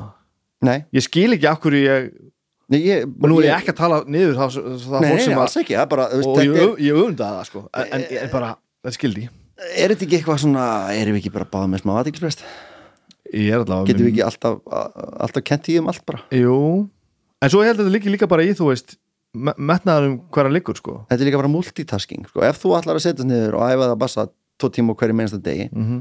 þá ert ekki að fara að gera eitthvað annað þessar tvo tíma á þessum degi, sko svo er það líka sko og þú veist, ég, mér finnst það ekki gaman sko. mér, Nei. ég, ég, attention sparið mitt er einhvern veginn þannig að, að, að vera að vera eitthvað svona einmitt, að vera að vera að vinna að einhverju Já. ekki bara að æfa þig til þess að æfa þig nei, ég þetta er ástæðan fyrir að ég get ekki farið í rektina ég bara nenni ekki, nei, nei, ég mitt, já. Ég, þú bara, ég, þyrftir, ég sé ekki tilgangi svo þurftir að vera í blakki til þess að ég, vera á, akkurat, ég sé ekki tilgangi sko. Ég er bara í álfurunni pluss það að mér langar að lemja einhvern í hversi sér lappin líka Já, já. ég bara líktin fæ mig til að langa bara að öskra sko. þetta, þetta voru mikið, ég hátti ekki að segja þetta upp jú, þetta er gott sko. Ég, bara, ég, ég, ég skil ekki sko. pappi er aldrei farið í rektina nei. Hann er reynda lift svona 100 Já, miljónum það, þúsund já, böggum. þú ert svolítið, þú ert svolítið stikkfrí þegar þú ert sko. svolítið það er ræktin það, er, það, er, það, er, það, er, hinn upphaflega rækt. sko, líkasræktin er náttúrulega bara substitute fyrir að vinna. Já, já, já, já, algjörlega. Það er ástæða fyrir að það var ekki til líkamsrækt fyrir sko 30 án síðan vegna þess að fólk fór bara vann vinnu já, já og, ég er ekki að segja að það sé ekki vinna að setjast niður og þú veist vinna en bara þetta er samt ekki manni og labor sko. Þetta er ástæðan fyrir að manns, mannskefna þarf reyfingu til þess að vera heilbrið það er vegna þess að við unnum Já. og urðum eins og við erum. Þannig að núna þegar við allt í einu ætlum að hætta reyfingur já, þá skilur manns, manns líka með það ekki? allt í hennu bara heyrist í einhverju, einhverju inn í haustum að bara, uh, halló. Já, þetta er svolítið já, ég skil hvað mér ég held við segjum svolítið saman í þessu sko en, Já, en. En sko, það er ekkit sem veitir með meiri gleði og fyrir þetta fjörskiptunum sjálfsögðu heldur en tónlist sko. Að- og það er alltaf verið þannig. Þú veist, bara frá því að ég man eftir mér þá bara, bræðið mín eru báðir tónlistar nött sko. Og annars spilar á hljómbóru og hinn spilar á bassa og þú veist, þeir voru í hljómsveitum og eðum og svona, skilur og þú veist, mamma spilar á gítar og, og öll allir bræður hennar spila á hljófari þú veist, það eru þrýr þeirra í einhverju hljómsveitum sko, voru, veist, minnst að einn symfóniljónstinni trommuleikarin í, eða, okay, ekki trommuleikarin ásláttarleikari í symfóniljónstinni og, og hinum megin sko voru sko tveir bræður pappa í hljómsveit og báða sýstur hans spila á gítar. Og svo er yngsti bróðurinn, hann heitir Áskrimur Ingi hann var trommarinn í trössunum sko. Já, þannig að það er ekki eins og sé ekki tónlist í kringum já, já, þannig að einhvern veginn gátu við frendunir ekki gert neitt annað en að vera hljófarleikara sko. þannig að kassagítarpartíin eru mjög skemmtilega á hættamótana sko. Þannig að einhvern veginn fannst mér þetta bara svo sjálfsæða hlutur að vera í hljómsveit. Mér fannst bara, ég held bara að gera þetta allir einhvern veginn. Já. og, og já, skemmtilegt. Og ég teki bara, þetta er bara ég bara fatta, það er útrúlega margt, margt sammeðilegt sko. Já, nema ég er náttúrulega frá fallir í stað. Þú ert náttúrulega frá, frá minni stað sko. Það- ég, ég, ég man nákvæmlega þessa tilfinningu að hérna hugsa þetta bara hérna já, já, það er ekki það, það, það skiljið þetta ekki allir. Það er fyrir mér að setja stu eitthvað en að, en að finna út einhverjum melodíum já, þetta var bara það þetta er bara svolítið svona eins og að vita að vatni fer í glasið áður en þú drekkur það sko. hljómu við eins og einhver ógeislir roka en enga síður, ég menna að þú veist að það, ég var orðin úlingur áður en ég fatta að fólki fannst þetta ekki sjálfsagt. Já, uh, eða sama hér því að sem ég segi, við vorum fjóri saman í hljómsveit í sko grunnskóla og það bara helmingun öll strákunum í skólanum. Þannig að hlutvarslega flestir í þessari hljómsveit. Nei, þetta er, ég held að sinnumlega svolítið keimlíkt sko, þú hafðir þitt, þitt krú hana fyrir norðan sem er þá í dag er það ekki skálmöld og, og allt þetta Og- veist, og allt, það. Ég hafði allavega hana frændgar sko, veist, það er allir meina- kringum mig sko. pappi var náttúrulega líka tónlistakennari Já, það voru náttúrulega bara hljóðfæri bara út um allt það lágu bara gítarar og flautur og harmonikur og alls konar dót bara í öllum stólum og sófum. Skrítið hvað pappi er eina sískinið bæði frá mömmu og pappa það er eina sískinið sem spila ekki hljóðfæri. Já, ok, hann er svo að dansa hann er svo motherfucker. Það eru svona raðir af konum og þorrablóðurum að fá að dansa við hann sko. Þannig að einhver þurft að vera í því á meðan henni voru bara sviði að hann er líka elstur það er einhver að vera ábyrgur sko. það er einhver að, einhver að fara og mjólka eða eitthvað meðan hinn voru að leika sér að spila sko. elstur, það er gott Já, gott. og hvað svo? svo klárar þá vantarlega skóla þannig. Já, segjum það bara Það ekki- þú gerð það ekki, Nei, ekki klárar ekki skólan ekki alveg. Uh, það var náttúrulega smá vesen með eðaskóla hann var sem sagt saminnaður mennskólum sem að var ekki kjart að hann var ekkert saminnaður hún var bara laðið niður bara einhverjum sparnaði og, og síðan seldur einhverjum astna og hérna viking sem var leta hann eðilegast önnur sag uh, þannig að þá er ég eiginlega komin í mennskólinu stöðum já, og bara meðan þú ert í skólanum? Já, já, bara, Já, já, ég, þetta bara, bara svona rann saman. Allt í einu var ég bara, bara ekki Ok. lengur eðum ég var bara í mennskólinu já. og það var náttúrulega ennþá meira tónlist þar þú veist, það, ég leik í hárinu og þú veist, fór í söngja framhalskóluna tvísvar og þú veist, þá var maður bara endalust í félagslífi veist, ég held ég að verið skemmtanastjóri í mennskólinu eða eitthvað, held ég, með minni það. Það rennur allt svolítið saman. Eh, lærdómur hins vegar ekki svo mikið. En eh, eins og við vitum, þá er náttúrulega það sem maður lærir í skóla er ekki endilega sem stendur í bókinni sko. þú veist, ég var mjög vel undirbúin fyrir skóla lífsins. Það. og þá sem sagt e, fæ ég símpringingu að sunnan e, frá heimin okkur með efindasinni hljómbásleikar hljómsdæðan á móti sól sem er að leita nýjum söngvara vegna þess að hinn hafi hætt. Og hann var að leita sem sagt að að hringdi reyndar í loga fyrst hérna bassaleikara minn að því að hann var nefndrasformaður og spurði sko með vantar nummerið á tveimur gaurum. Já, nummerið, það var 99 og Mhm. voru við með, jú ég held ég á allt gemsa reyndar. Og hérna með vantar sem sagt að finna gaurin sem að söngi söngi samanskólana fyrir mennskólan og gaurin sem að hitaði fyrir skímó um daginn þegar Gunni var veikur og, og kom hljómsveitin shape og hitaði fyrir skímó og logi bara, já ég þekki þá, báða. Þetta eru þeir Guðmundur og Magni. Og hérna og svo sem sagt var ringt í ringdaði bara í mig og spurði hvert ég vildi koma vera með hljómsveitin þeirra. Og þarna var svona, þú veist svona shape komið svona eins land og við komust í efst, á þeim punkti einhvern veginn. Já. þá voru bara menn svona fannir að hugsa um skóla og, En þú þekktir þess að gaur ekki neitt? Ekki neitt, aldrei Já, hitta ok. Ekki neitt, aldrei nokkuð hitta ég held að einu sinni séð á balli. Og akkur ringja þér, akkur, akkur þú? Bara, ég held að þetta sé einur águst að kenna. Af því að sem sagt bara tveim viku fyrir, þá voru sem sagt eh, skímó að spila á slúttballinu í mennskólanum eitthvað, minni mig. Nei, heyrðu, fyrir ekki, þetta var bara ball á sumri til. Þetta var bara í júli eða eitthvað. Og, og hérna Gunni Óla var með sko 49 steg heita eitthvað, hann er hann bara það var eina skipti sem einhver okkar hefur ekki geta sagt ég fer ekki upp í þessu fokking flugvel ég er veikur, því það var aldrei verið afsökun sko, Já. en hann var bara, bara eiginlega dáinn, hann Já, var já, ok. hann var skilin eftir. Svo voru skímókonni í valaskjál og það föttu þeir kunni náttúrulega ekki um helmingin á lögunum af því að vantaði gunna. Og hérna þannig að það var hringt í okkur og spurt hvort þið getur komið hitið upp fyrir á bara að, Bara lengi í prógraminu? Já, bara létt undir með þeim sko. já, já. og við bara stökum til og ég manna alltaf að við komum inn í valaskjál og vorum að lappa semst inn í baksisherbyggi þar sem þeir voru og heyrði innan okkur segja strákar, kann einhver textaði farin stjartfræðilega góð setning. Þá svona vissum maður að þetta er ekki fara að enda vel. Og, og við hérna og við eiginlega stálum ballina af þeim. Þú veist, þótt ég, svo, svo í hljóminu er svo astni sko, en við vorum bara í rosa stuði og bara ætluðum að sanna okkur og Og því í komfortzónu náttúrulega að þeir alltaf voru að redda. Við vorum á okkar heimavelli, við vorum í Valaskjál við áttum þetta hús, við byggum hann lengur við, sko. Þarna settum við upp hárið og þarna vorum við bara alltaf. Já. þannig að við vorum algjöru comfort zone og þekktum alla í salnum og bara veist, vorum við bara með eitthvað svona prívat enga húmor sem að engi skildi nema allir í salnum og við og einhvern veginn, og, veist, skímó skildi ekkert í bara, akkur virkar heia heia hvað ruglar í gangi, eitthvað svona sko og einar sem sagt sagði held ég heimi frá þessu þegar, þegar, þegar hann við vorum eitthvað að tala um að Björli var hættur sem stíða mót sól. Það bara ringdi hann að gaurin fyrir austan. En náttúrulega ennþá meiri tenging því að Einar Ágúst og Heiða bróðir þekkjast sko. já, ok, ok. Einar Ágúst hefur dreipist í rúminu mínu sko, þegar ég var lítill. Bara, hann er aðeins eldri en ég. Þannig að, já er að þarna kemur tengingin. Skemmtilegt. Þetta er mjög lítill heimur sko. Og ég bara fór suður og, og náði einhverjir skrýtni menn í mig út á flugvöll og, og fórum á hard rock með mig upp í kringlu það er töff. Þið gerir það bótið já, já. 99, þá Mér fannst það, mér fannst það. það töff. Svo frétti ég að setna að það var að þið áttu innegn þar sko. Og svo greifar og þú er hvað sem er af þessum bara eða er á þessum miða. Og hérna, svo fórum við niður á Selfoss á hljómstaræfingu og ég held þetta að vera á mánudegi. Ég er ekki að grínast og við spilum gig á föstudegin og bara, Og var, og bara ball. fórst, í audition eða varstu bara, nei, bara nei, nei, bara, þú veist, ég bara flög söður við spjöldluðum, svo fórum við og tókum mér æfingu og, var bara, viltu vera með? ég bara, neða, ok. Hvað eru þeir búin að gera mikið fram að þessu? sko, þið meður að eiga það, þeir eru búin að gefa þetta einu og hálfa plötu ég tel gumpin ekki með. Nei, ok. Það er hálfplata.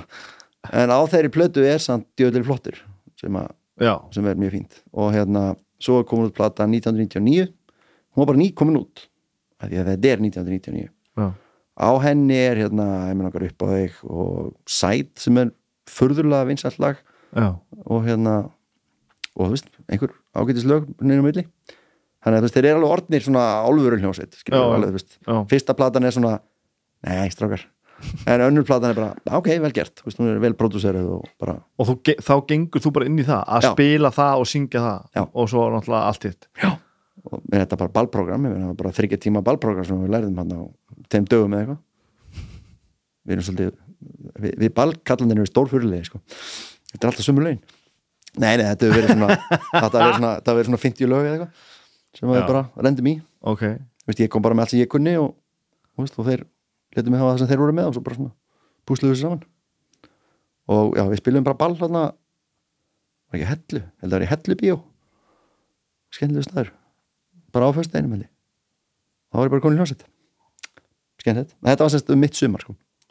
og, þetta, og, og þetta, þetta, er í alvegni bara ferli þú bara, þú bara fer upp í flug, upp í flugvel æfir og það er ball um helgina. Já. og þá ert þú bara á söngvarinn sem hljómsveit. Það er að gera flókið. Nei, þetta er mér er þetta ekki bara svolítið eins og þú stofnaði hljómsettina þína? Strákar, ég er bara stofnaði hljómsett Jú. mæti á æfingu?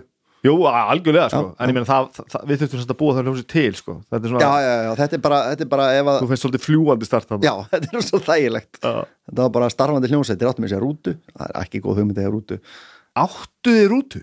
Þeir áttu rútu, hún heiti Böðvar. Og hérna algjör piece of shit, en samt eitthvað svo næs. Þannig að við höfðum hana alveg fyrsta árin, svo drast hún og þá fórum við bara upp í eðluna eða já, já. svo fórum við í lænerinn hvað eru þessar í það? er það til? standa allar á einhverju plönum upp í breiðaldi svona hér og þar. Það voru bara grotna niður eða? já sko það voru náttúrulega grotna niður þarna sko sem sagt line, eða sem sagt nefnanindar lænerinn það er svona, fræga, svona nýjasta rútan. Hvað var þessi með, með rúmónum sem voru já, ekki alveg já, ógæslega sem heit sko Good Night Liner sem að allir sögðu Ramstein rútan ekki rótararnir þeirra voru ekkert í að nýjani það er sérst, hún var flutt inn svona þeirra skíma voru sem allra frægastir og hérna, já, þá var hún gett inn en sko hinar, semst, Eðlan og Lostin og þessar rútur Já. þú veist, SSOL og stjórni voru búin, búin að nota þær undan okkur og, já, akkurat. og þar áður voru þetta sko sérleifisbyrðar hjá, hjá hérna norðurleið eða eitthvað já. í alvörunni var held ég eðlan keirð 1,5 miljón kílómetra hún var bara búin að keira milli akkur og reykjaðugur í 30 ár á hverjum meinasta fucking degi sko. og bara og bara á þessari vél. Þetta, er ekki djók þessari vélar sko. Veist, bara þessi grind bara, bara þessi bens er búin að keira 1,5 miljón kílómetra á malarvegi. Bara das auto, bara já. Og svo hvað? Svo, er, verður þetta svo bara vinnaðinn? Já, ég sem sagt uh, sel kæristunni minni að þetta sé góð hugmynd. Og henni fannst ágætis hugmynd að hún ætlaði að bara koma suður í skóla og hún bjó á eistöðum Já, það er hún eirum mín. Aha. við erum sérst búin að vera saman í 23 ár. Er hún frá eistöðum? Já, já, tæknilega séð. Já, já, segjum það bara. Uh, Hún heitir Möðrudal, en jú, hún er frá Aha. og hérna uh, þar ég flytt bara suður. Þetta er svona um haust skilur mig. Já, þannig ég flytt suður með hérna vinni mínum, Ella Elli Skrýtni og hérna við flytjum inn í einhverja einhverja slísi íbúð einhverstaðar í hérna, einhverstaðar fyrir ofan lögavinn nei, fyrir ofan hérna lögadalinn, ég man eitthvað þetta er. Hjallavegur. Og, og borðum rosa mikið pítsum og, og ég fatt að það nú svona eftir 2-3 vikur að, ég þurfum samt að fá mér einhverju vinnu með þessu.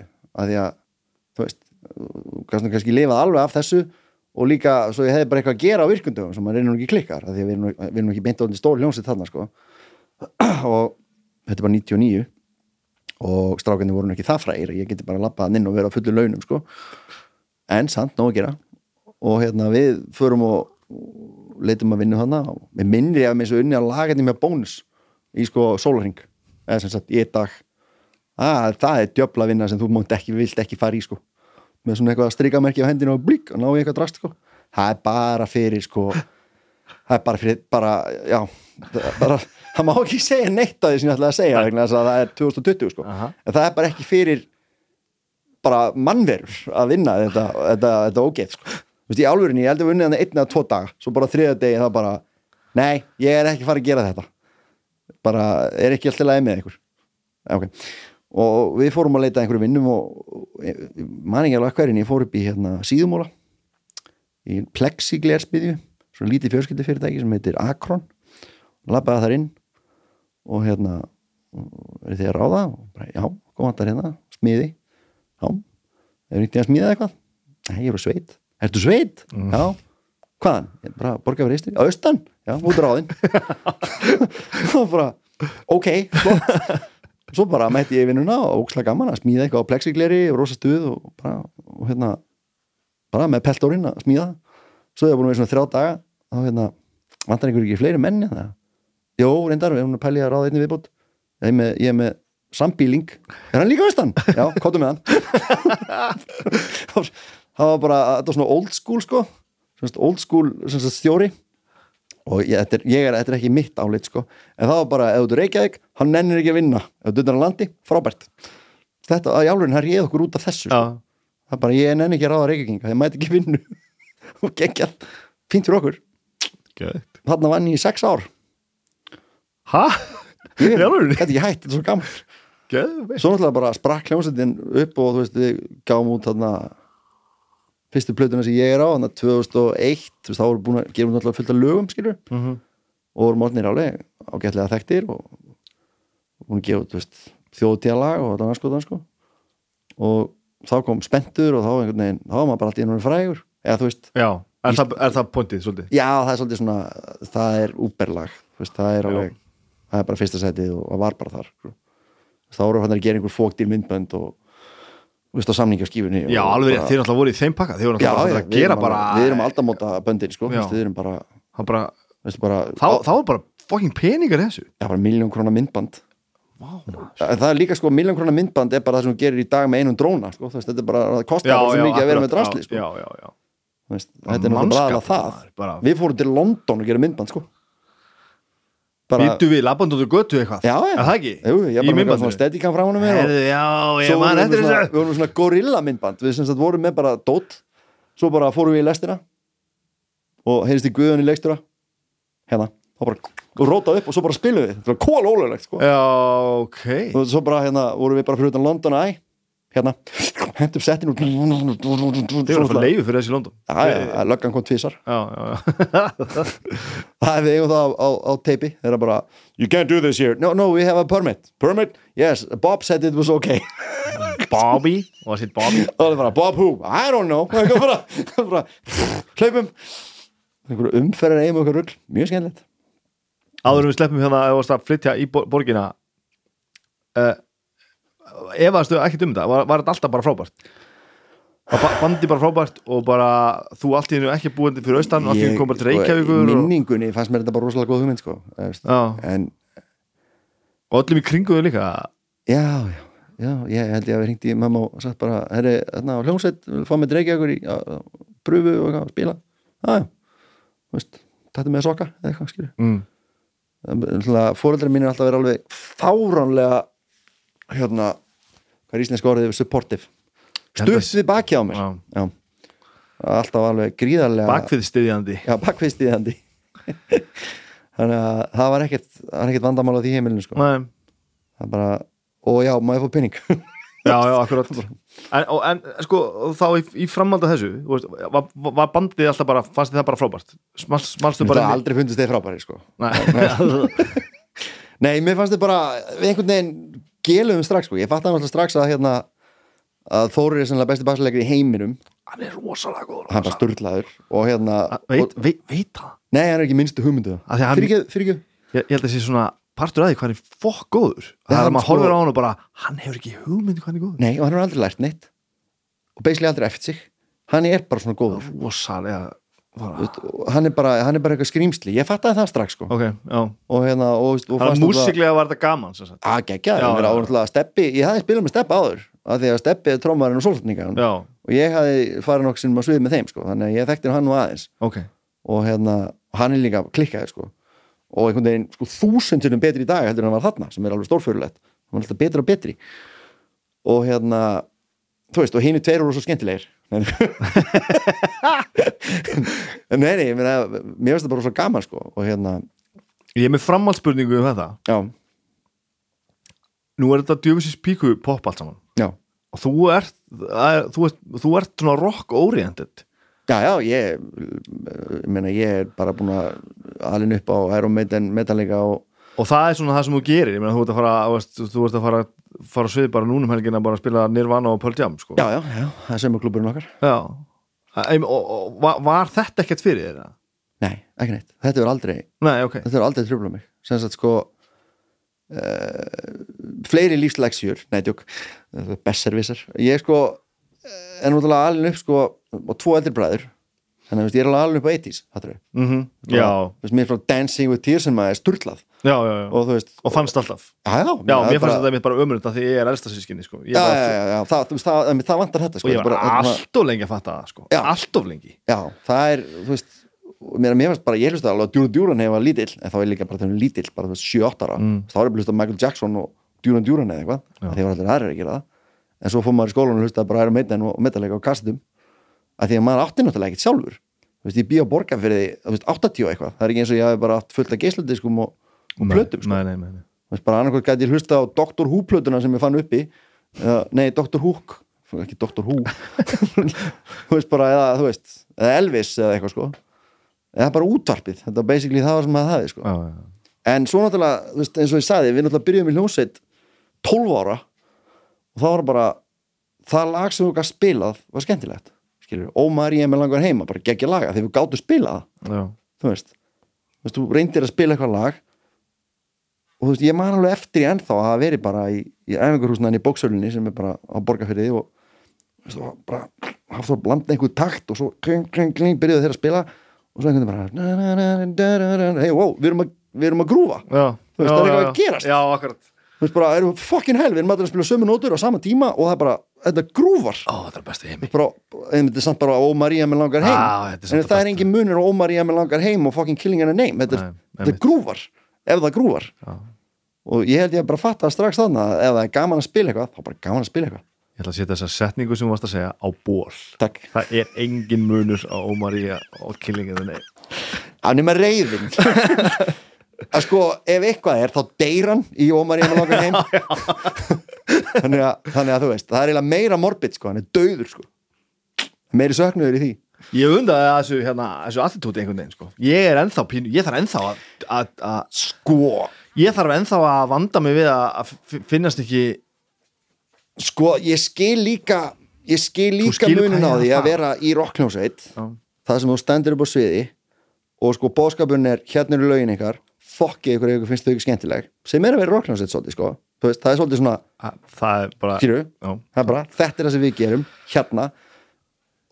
Á móti því að sko það eru konir, þú veist þúsund manns inn í miðgarð og næstu þrjá klukktíma þá þarf ég crowd control Já. ég er að fara að stjórna þeim skilur. ég er fremstur, ég er söngvarinn og það er mitt starf að láta það alla hoppa, dansa, færi sleik ekki drepa neitt og fara svo út aftur mm -hmm. og þetta eru verkfærin sem ég hef skilur, ég get spilað hérna The Trooper með Iron Maiden eða bara Tröstur vinur ég sé hvort er að fara að vi- virka betur í þetta Já, skilur, já. þetta eru verkfæri þegar að þú ert atvinnu tónlistamæður eins og við erum, þá eru þetta verkfærin okkar. Já lög. en ég meina sem, eins og þú ert að því að ég er það ekki og ég hef aldrei verið það.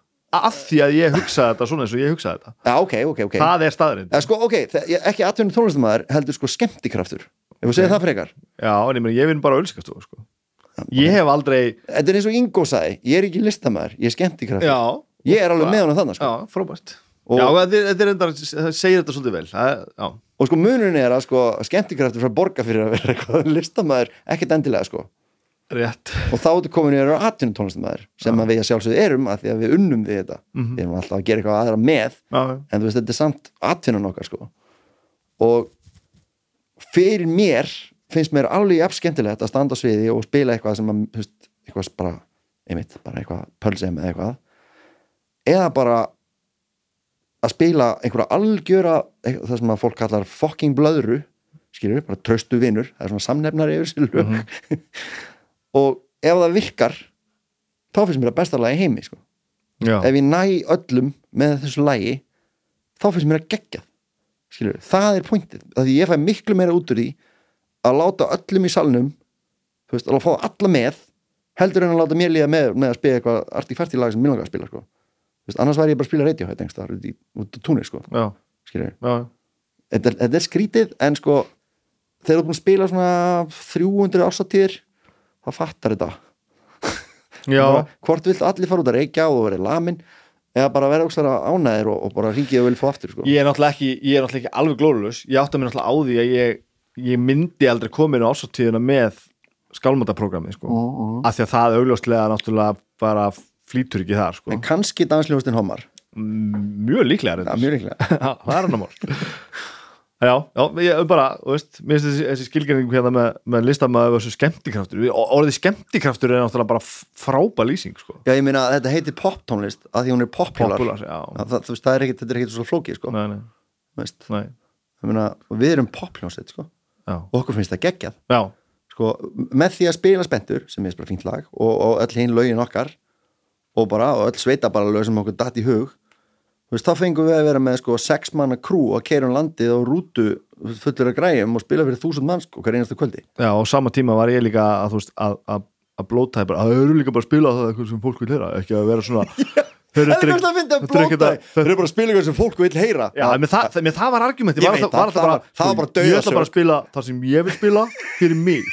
Og þá bara, þú veist þá, Já, það er, þetta, þetta hefur alltaf verið þú veist, þessi þetta, þetta, eh, þessi rosalega óljósu skil á milli þess að vera töff og ekki töff ef einhverju er gaman að því, það er ekki lengur töff sem er ákveðið svona catch-22 sko. A- a- a- svo fullkomlega sko. bara svarta blátinu umuleg að því hún seldi 40 miljón eindök já, þú veist já, algjörlega sko. bara, eh, mér finnst þetta að gegja og, og, og, og ég man eftir þessa tilfinningu bara, þú veist, mér fannst þetta ómerkilega vegna þess að þið voruð að, sko, að miða inn á það Já. að skemmta sem flestum og það var svolítið að fórsendunum sko, hvað sem það kostar ég ætla að leggast eins lágt og þarf til þess að sem flestir sko, við vorum ekki eins og reyna að skemmta þessi flestum við vorum að skemmta stelpunum Já. vegna þess að ef að stelpunni koma á ball Já. Mhm. þá koma strákanir á ball þannig er munurinn að sko, þú veist, ef þú spilar eitthvað sem höfða bara til kalla þá ertu búin að minka áhörðahópin um sko 70% vegna þess að það mæta bara kallar og ekki einu sinni kallarnir sem ætlu bara að koma að sjá stelpunar sko. ég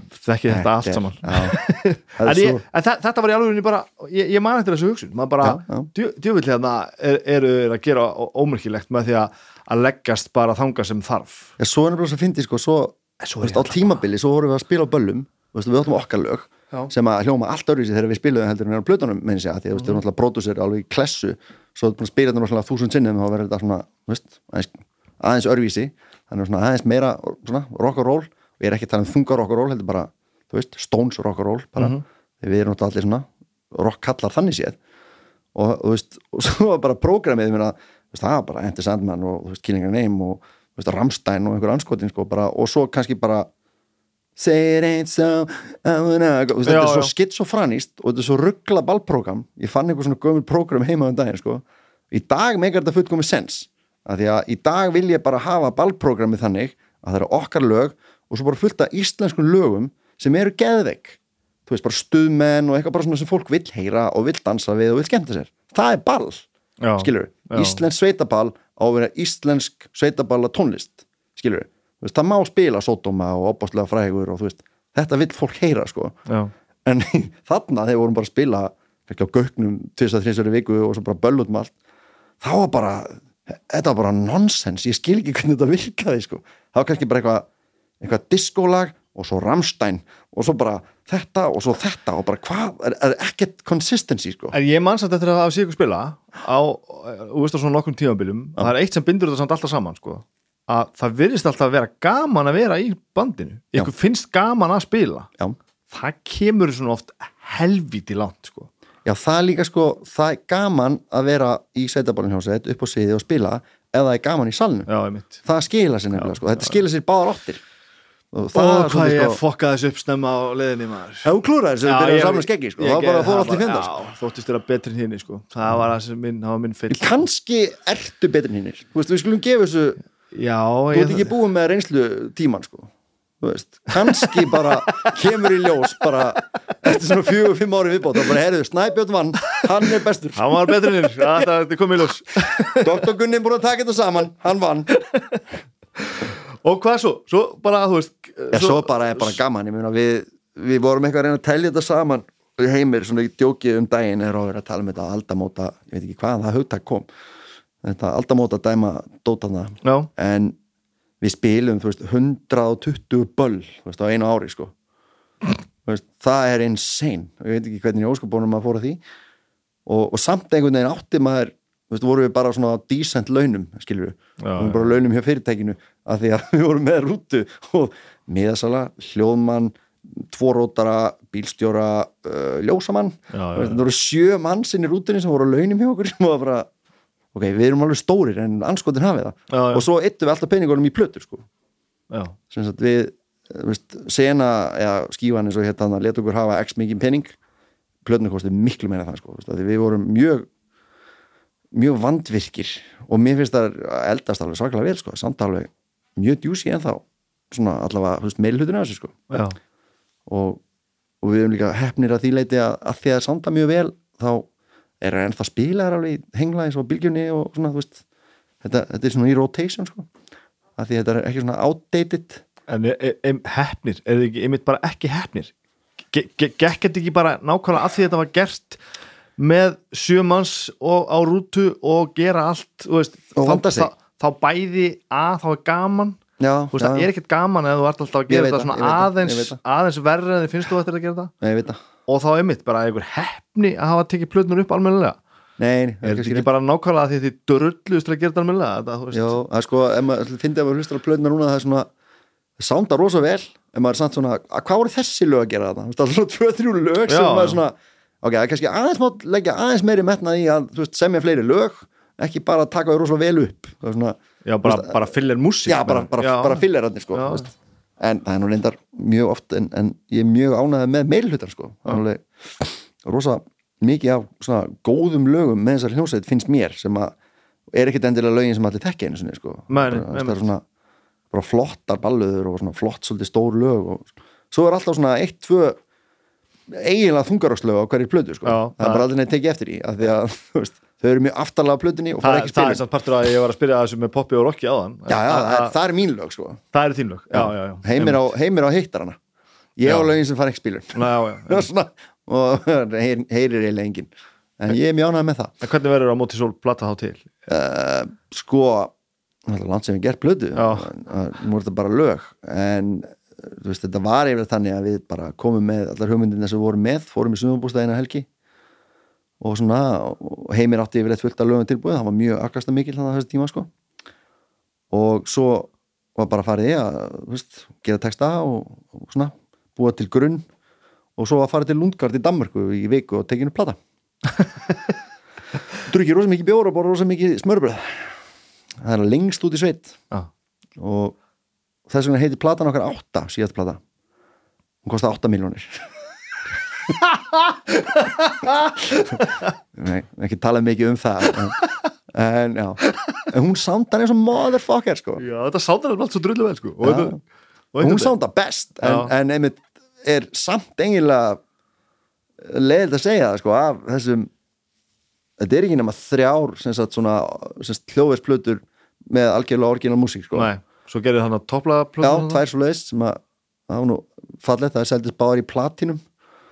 Uh, það er seldist sko fyrir platan seldi jafn mikið og allir hinni plötun okkar samanlagt. Wow. það er svona smá svona, já flott ég okkur að taka annar mannulög Þannig er þetta bara að þú horfir á þannig. þurfum að tala bara nákvæmlega um það sem að hérna, það sem að tala hérna um á- áðan sko, Já, sem ég hefði þetta að fatta sko. Já, það, þú var svona, það var næst í sárt. Það bara, við vorum að gefa plöti krakkar, það keipti hana já, samt alveg, þú veist, það gengur mjög vel sko, já, okkur fannst við verið réttileg sko, fyrsta platan seldi kannski ég man ekki hvað var, þú veist, 2001 eða eitthvað, skilur, sem var fínt svona, þessi debut plata næsta fór svona næstu í 5000 og, og það þótti sem sagt skífun ekki nóg.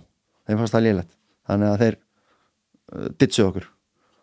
Sem sagt bara, þegar við vorum að pizza á hugmyndina um topplaflutina sko, þannig að 2005 þannig að við fórum bara, við erum svo reyðir að við gerðum það bara sjálfur já, ok og seldum 28.000 eintök af þessum tveim blöðum held ég What? Já Önnur kom út sko 5. desember og hinn kom út 5. februar og það seldu held ég samanlagt hvað sagði, ég, 20 8? Já, eitthvað sérkjöpa Shit Já, fyrri, fyrri, fyrri var alveg eitthvað Já, já, svona, já, svona 25 Já, fyrri fór alveg í 15 Hvað hugmynd var það? Bara að taka þessi, þessi Já, kunni við vorum bara, við vorum bara í rútu á leiðin og hefni hóttanfyrir og, og einhver sagði bara, þú veist, bara hún var að tala um næstu plötu eða eitthvað og, og bara voru eitthvað að djóka með hérna tólvísleins bílalög.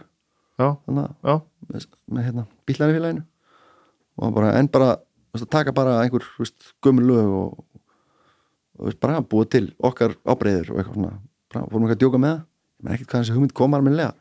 Svo bara, ok, allir inn í sína kói og skrifa niður, veist, tíu lög.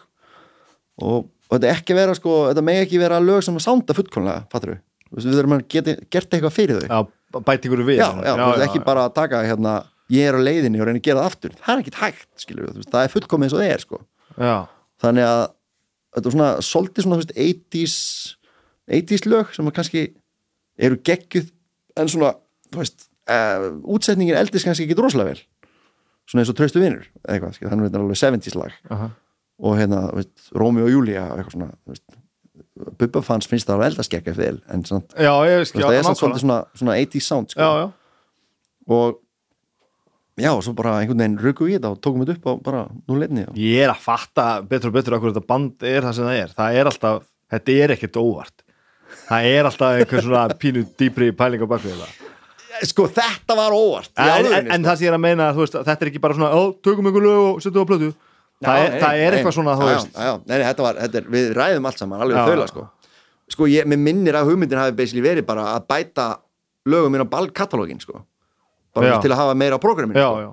Þú veist, bara að svona finna fleiri lög til að spila á böllum sko. svo við verðum ekki að spila nákvæmlega sömu lögin og allir hinnir þú veist. Af því að uh, eins og allir vita sem hafa verið í ballhjónsveit þetta er bara svona 60, 70, 80 laga listi sem allir kunna. Það er creepy sko. Veist, ég, ég get spilað ásatíð með bara þetta er svona kannski 40 hljóðfæralegarar svona á okkar aldri. Ok. Skilur upp Benny Brynleis og þú veist skilur upp bara allir þessi strákar. Dotti Þrómari og veist, allir sem er í reyðmannunum og allir sem er í bara þessum hljómsveitum. Ég get búið til band úr hverjum sem er af þessum mönnum svona eins og strákunir í von já, já, þú veist, bara Gunni og, og Guðni og svona. Ég get bara sett þá alla saman í herbyggi bara valið einn, hverju hljófarleikarann svo getur bara byrjað og það er enginn að ræða neitt þetta, Nei, hérna er bara prógramið og við byrjum já, já. Veist, það þarf enginn að æfa sko bara lögin er í þessum tóntegundum, þetta er allt orginal og bara, og byrja og þá getum við spilað í svona þrjá klukktíma að þess að stoppa og bara haldið upp í brjálugu stuði sko. já, já. og þetta eru líka svona, einmitt, svona tíu söngvarar sem geta bara stokkið inn út sko. og þannig við vildum bæta þess við þennan já, katalóg já, ég skilji, já, ég skilji bara svo við getum sleft Summer of 69 einu sinni fattar Ég, al- alveg sko, og bara magnaði einhvern veginn að þetta hafi þróast að þennan stað, þetta sé allt, allt saman drastli Já, já, nei, menn, þetta er bara, er bara lögin sem hafa sanna sig. Svo er alltaf reynd sko, að þú er búin að höra nýja lagi með hérna þessum, bara, og svo prófar það það virkar, Mhm. svona tvær vikur. Þá virkar það ekki lengur. Það virkar ekki lengur, fólk veit bara að heyra lög sem það er búið að kunna í 20 ár. Ok, sem er einmitt stuðmanna lögin Já. og bara verð þú sjálfur og allt þetta, þetta er svo skrítið. Já, þetta er kannski ekki endilega músíki sem heyra þegar þú veist, etru heima hjá þér, sko. Nei. en um leið og þú ert komin í hóp og búin að fá þér í glas þá viltu bara heyra þetta. Og ef þú kannt ekki textan, þá virkar ekki lagið. Og kannski ekki texta þig viðlæri, þú þarf nú ekki að kunna allan texta liggur við að þú þurfa að kunna allan texta Já, það? Já, Einar Þór lék þetta skemmtilega á Facebookum daginn að hérna, bjóti myndband það sem útskýrir þetta. Það er bara ef um leið og fattar sko, um leið og fattar hvaða lag er að spila allavega þá kennst í stuði sko. þetta er mjög skrítið ég blara svona mikið að því að þetta er sko 14. kaffibólið minni Æ, ég er mjög, þetta er mjög gott sko Já, gott. færum okkur bara áfram já, já, og bara viltu ekki fá, uh, hvað, ef við bara að tala um músíkina eða? við bara allt saman bara Nei, Tölum um nei, nei, nei, nei. tilfinningar. já, bara, tölum, nei, bara nákvæmlega bara, Já, þarna uh, konan flytur náttúrulega til mín já, hún er á mín, hún kemur til Reykjavíkur hann að skömmu sér við byrjum að búa í Skerjafyrri og þá þeir eru búin saman síðan bara 97 ok uh, við byrjum saman á Soldakaballi Í Valaskjálf. gott. Þinn innri frið og hérna ég held að fyrsti kossin hafi bara verið baksvið stinnar í Valaskjálf ok, minni það. Please ekki leiða þetta mig og hérna og já við uh, og þarna gerast það nákvæmlega sama eins og þegar vinnuna. Við sem sagt uh, erum að leita okkur að einhverju stað til að búa í Reykjavík og þú veist, það var ekkit það var nú samt ódýrar eldur en það er núna þetta er náttúrulega 99 eða eitthvað. Og við vitum ekkert um Reykjavík við, ég, ég, ég veit ekkert hvað hverfi hvað og mér er bara ennþá alveg sama sko. Og, og, og Eirún finnur hérna, Eirún hefur alltaf verið svo sem finnur hvar við erum að búa og, og basically hugsað að því að hún er íslensku fræðingur og, og, og bara mun, mun betur gefin í hausnum heldur en ég. Og var engin aðtilsprestur í gangi þar hún er gjörsanlega með alltaf reynu, var alltaf verið það og, og hún sér satt bara með einhverja smáulýsingu í, þú veist, dagblæðinu eða eitthvað þetta er svo langt síðan maður um einhverja kjallara íbúð í skerjafyrði sem ég veist ekki eins og var þannig að við erum bara skildinganesi bara hljómar expensive og, hérna, og sem skerjafyrður vissulega er. Og við fjóruð þangað og hittum indislega konu sem heitir Helga og, og bara er íbúðin njögulega farin þessi, þessi auglýsing er alveg tekja vegna gömulega eitthvað nei, það er ekki komið sem er líst á og eitthvað. Þetta er bara hérna kjallarinn bara bú- búið til íbúð í kjallarinum og næst, er ingangur og eitthvað. Og hérna, og hvaðan eru þið? bara, eigistöðum, já. Það er bara þið með íbúðuna basically Já, sko. já, bara tróða- það var þér á landi, gjör þið svo vel. Já, bara, hún er að fara í háskólan og ég er endar í hljómsveit láta það ekki stoppa okkur. Fara samt í íbúðina. Og bara, ég heldur nú að vera svona hrifin að eirunu að við fengum bara þessi íbúð og við byggum þar í sko fimm ár eða eitthvað, það var í kjallaranum hjá hann Helgu sem er já, yndisleg. Frábært. Og þangað til að við sem sagt fréttum að, að húsinu upp á hotni að það væri að losna íbúðum þar í kjallaranum í böðunesinu sem er litur í fjórum húsum ofar þannig við keiptum hana 2006, 5, 6, 5 já, já. já, 2005 og bara þegar erum við komin á steipirinn að- með fyrsta vatni okkar og fór ég með kúbein og reyf allt út úr þessu íbúð og laði nýtt parkett og málaði og og það er 2005 Já, 2005, 2005, bara, þetta ekki bara vorið eða eitthvað. Já. og við bara flytjum inn og svo bara fæðist maðurinn og skömmu síðar. Í september 2005 þá var hann fjölskylda. Og e- þá var hann fullorinn já, þá var maður fullurinn kom með íbúð og, og barn og en eru þið þannig að fúst flutt eh, sjáu þið þannig fyrir ykkur að bara búa í Reykjavík? Við varum aldrei búin að pæla nýtt í þannig sé sko. Einu var bara náttúrulega í háskólanum og, og, Já, já, já, og, já, og eitthvað og ég náttúrulega bara að spila á fullu þannig að ég meina, þetta byggum við í Reykjavík Já. ég náttúrulega bara, bara FM hóra ég gæti þetta vera nált já, FM akkurat. Ég gæti ekki farið langt frá FM fannst ekki að tekið eldhúspartíin? Að sjálfsögðu. Ég, að, sko, ég þetta meira svona að geta lappa heim á var já, já, það, já, mitt ég, ég var mjög ánægð með það þegar strákarnir þurfti alltaf að, hérna, að, að, að láta Þóri keira sig heim þú veist, í, á Selfoss eða hverju gerði sko. að ég lappaði bara heim. Bara, herru, þið það ekki gítar heim fyrir mig. Láta Þóri ég, ég, alltaf, Þóri hefur alltaf keirt hann hefur ekki, hann er í því. Já, Þóri greið fyrir einu sinni ég að sinni í Breilnvastinni það vildi svo óhefilega til að þá voru við allir þunnir og hann var, var svo einist og þetta var í Vestmanni sko. hann þetta var bara eins vond og að gætt verið sko. hann var bara einn fullur í Vestmanni að spila ok, og hann er komið Já. og þannig eftir hann er frægur já, já, segjum það, eða þú veist frægur, svo veist þetta er vittlust orð, við erum á Íslandi sko, veist, þekktur alveg, að það samt munur á því að vera þekktur og frægur á Íslandi ég, ég skil svolítið hvað átt við. Já, já, já, frægur er meira svona sko, veist, eins og maður fekk óslega oft spurninguna hvernig er að vera frægur? Mér finnst ég spurning svarið við þessar spurningu sko er ef ég væri frægur þá hefðu þú ekki getað spurt mig skilur Já, já. þá hefði einhver stoppað sko, uppáhaldi mitt er þegar kunningar eða vinir benda á mann að segja hérna veist ég hvað þetta er, hann er frægur. Nákvæmlega Þa, orða það getur svo, ekki verið að ég sé frægur ef þú þarft að segja þetta. Við skulum orða þessi svo að ég var komin inn í selefnikið sem er geðveikt fyndið. Þá, útskýruð það var einhver sem að, ég man ekki hver það var sem skrifaði grein um þetta í fréttablaði einhvern tíðan og þetta er bara að finnast að koncept í heimi selefnikið. Á Íslandi á síða og hirt tímanbílinu voru náttúrulega allir frægir. Það var bara, skilur veist, ég var bara jafnfrægur og logi. Bergmann sem var jafnfrægur og þú veist, var bara allir frægir. Já. bara óendalega margir sem voru frægir allt í einu. Út að síða og hirt og bara svona, þú veist, einhvern veginn. Og internetinu, allt í einu bara sástu andlitinu og allum einhvern veginn. Og selefni ekki er þannig eða þú veist að lappi kringlunni og mættir einhverjum sem er líka frægur eða þú veist, þekktur. Já, já, já þú þurftir ekkert endilega að þekkja hann en því svona horfið ákvæmt annan í svona tvær sekundur svo kom Nick. Skilur við selefni ekki þetta er svona og ennþá þetta er, þetta er svona ennþá og þetta er ósjálfrátt. Þetta er er að rosa- fyndi sko. Og Ég er nefnilega, sko- er ég er nefnilega staðið með að því að sko að sko bara Björn hérna Björn Tós leikari skilur ég hitt hann um daginn og það bara og ég er bara, þekkir hann, ekki neitt. Og þú veist, þetta þú kemur stundu fyrir bara, veist, ég hef actually selefni eitthvað forsetan, sko. Já, já, já. Þetta er klikk Já, já, já, ég, sko, ég, það versta sem, ég, ég hérna, ég, ég lendi bara á spjalli við Pétur Jóhann um daginn, sko. já, Ég var einn og hann var einn já, og við byrjuðum að tala saman. Já. Við þekkjumst ekkert. en þekkist núna Já, þú veist, já, já, en ég meina að það var, ein, það var, það var ekkert meira ástæði fyrir mig að byrja að tala við hann heldur en mannin sem var bara tveimur myndir fyrir aftan hann. nákvæmlega, nema þeir eru báðið selefni Já, þú veist, og ég gæti svona gengið að því að, veist, að, þetta var hérna á Akuri, þetta var í Já, Hagkaup á já. og það var svona bara, ég gæti allavega svona bara, já, hvað hérna, hvað, skemmt í kvöld, eitthvað svona, þetta var Já, eitthvað, og það bara, hvað, Gigg þessu?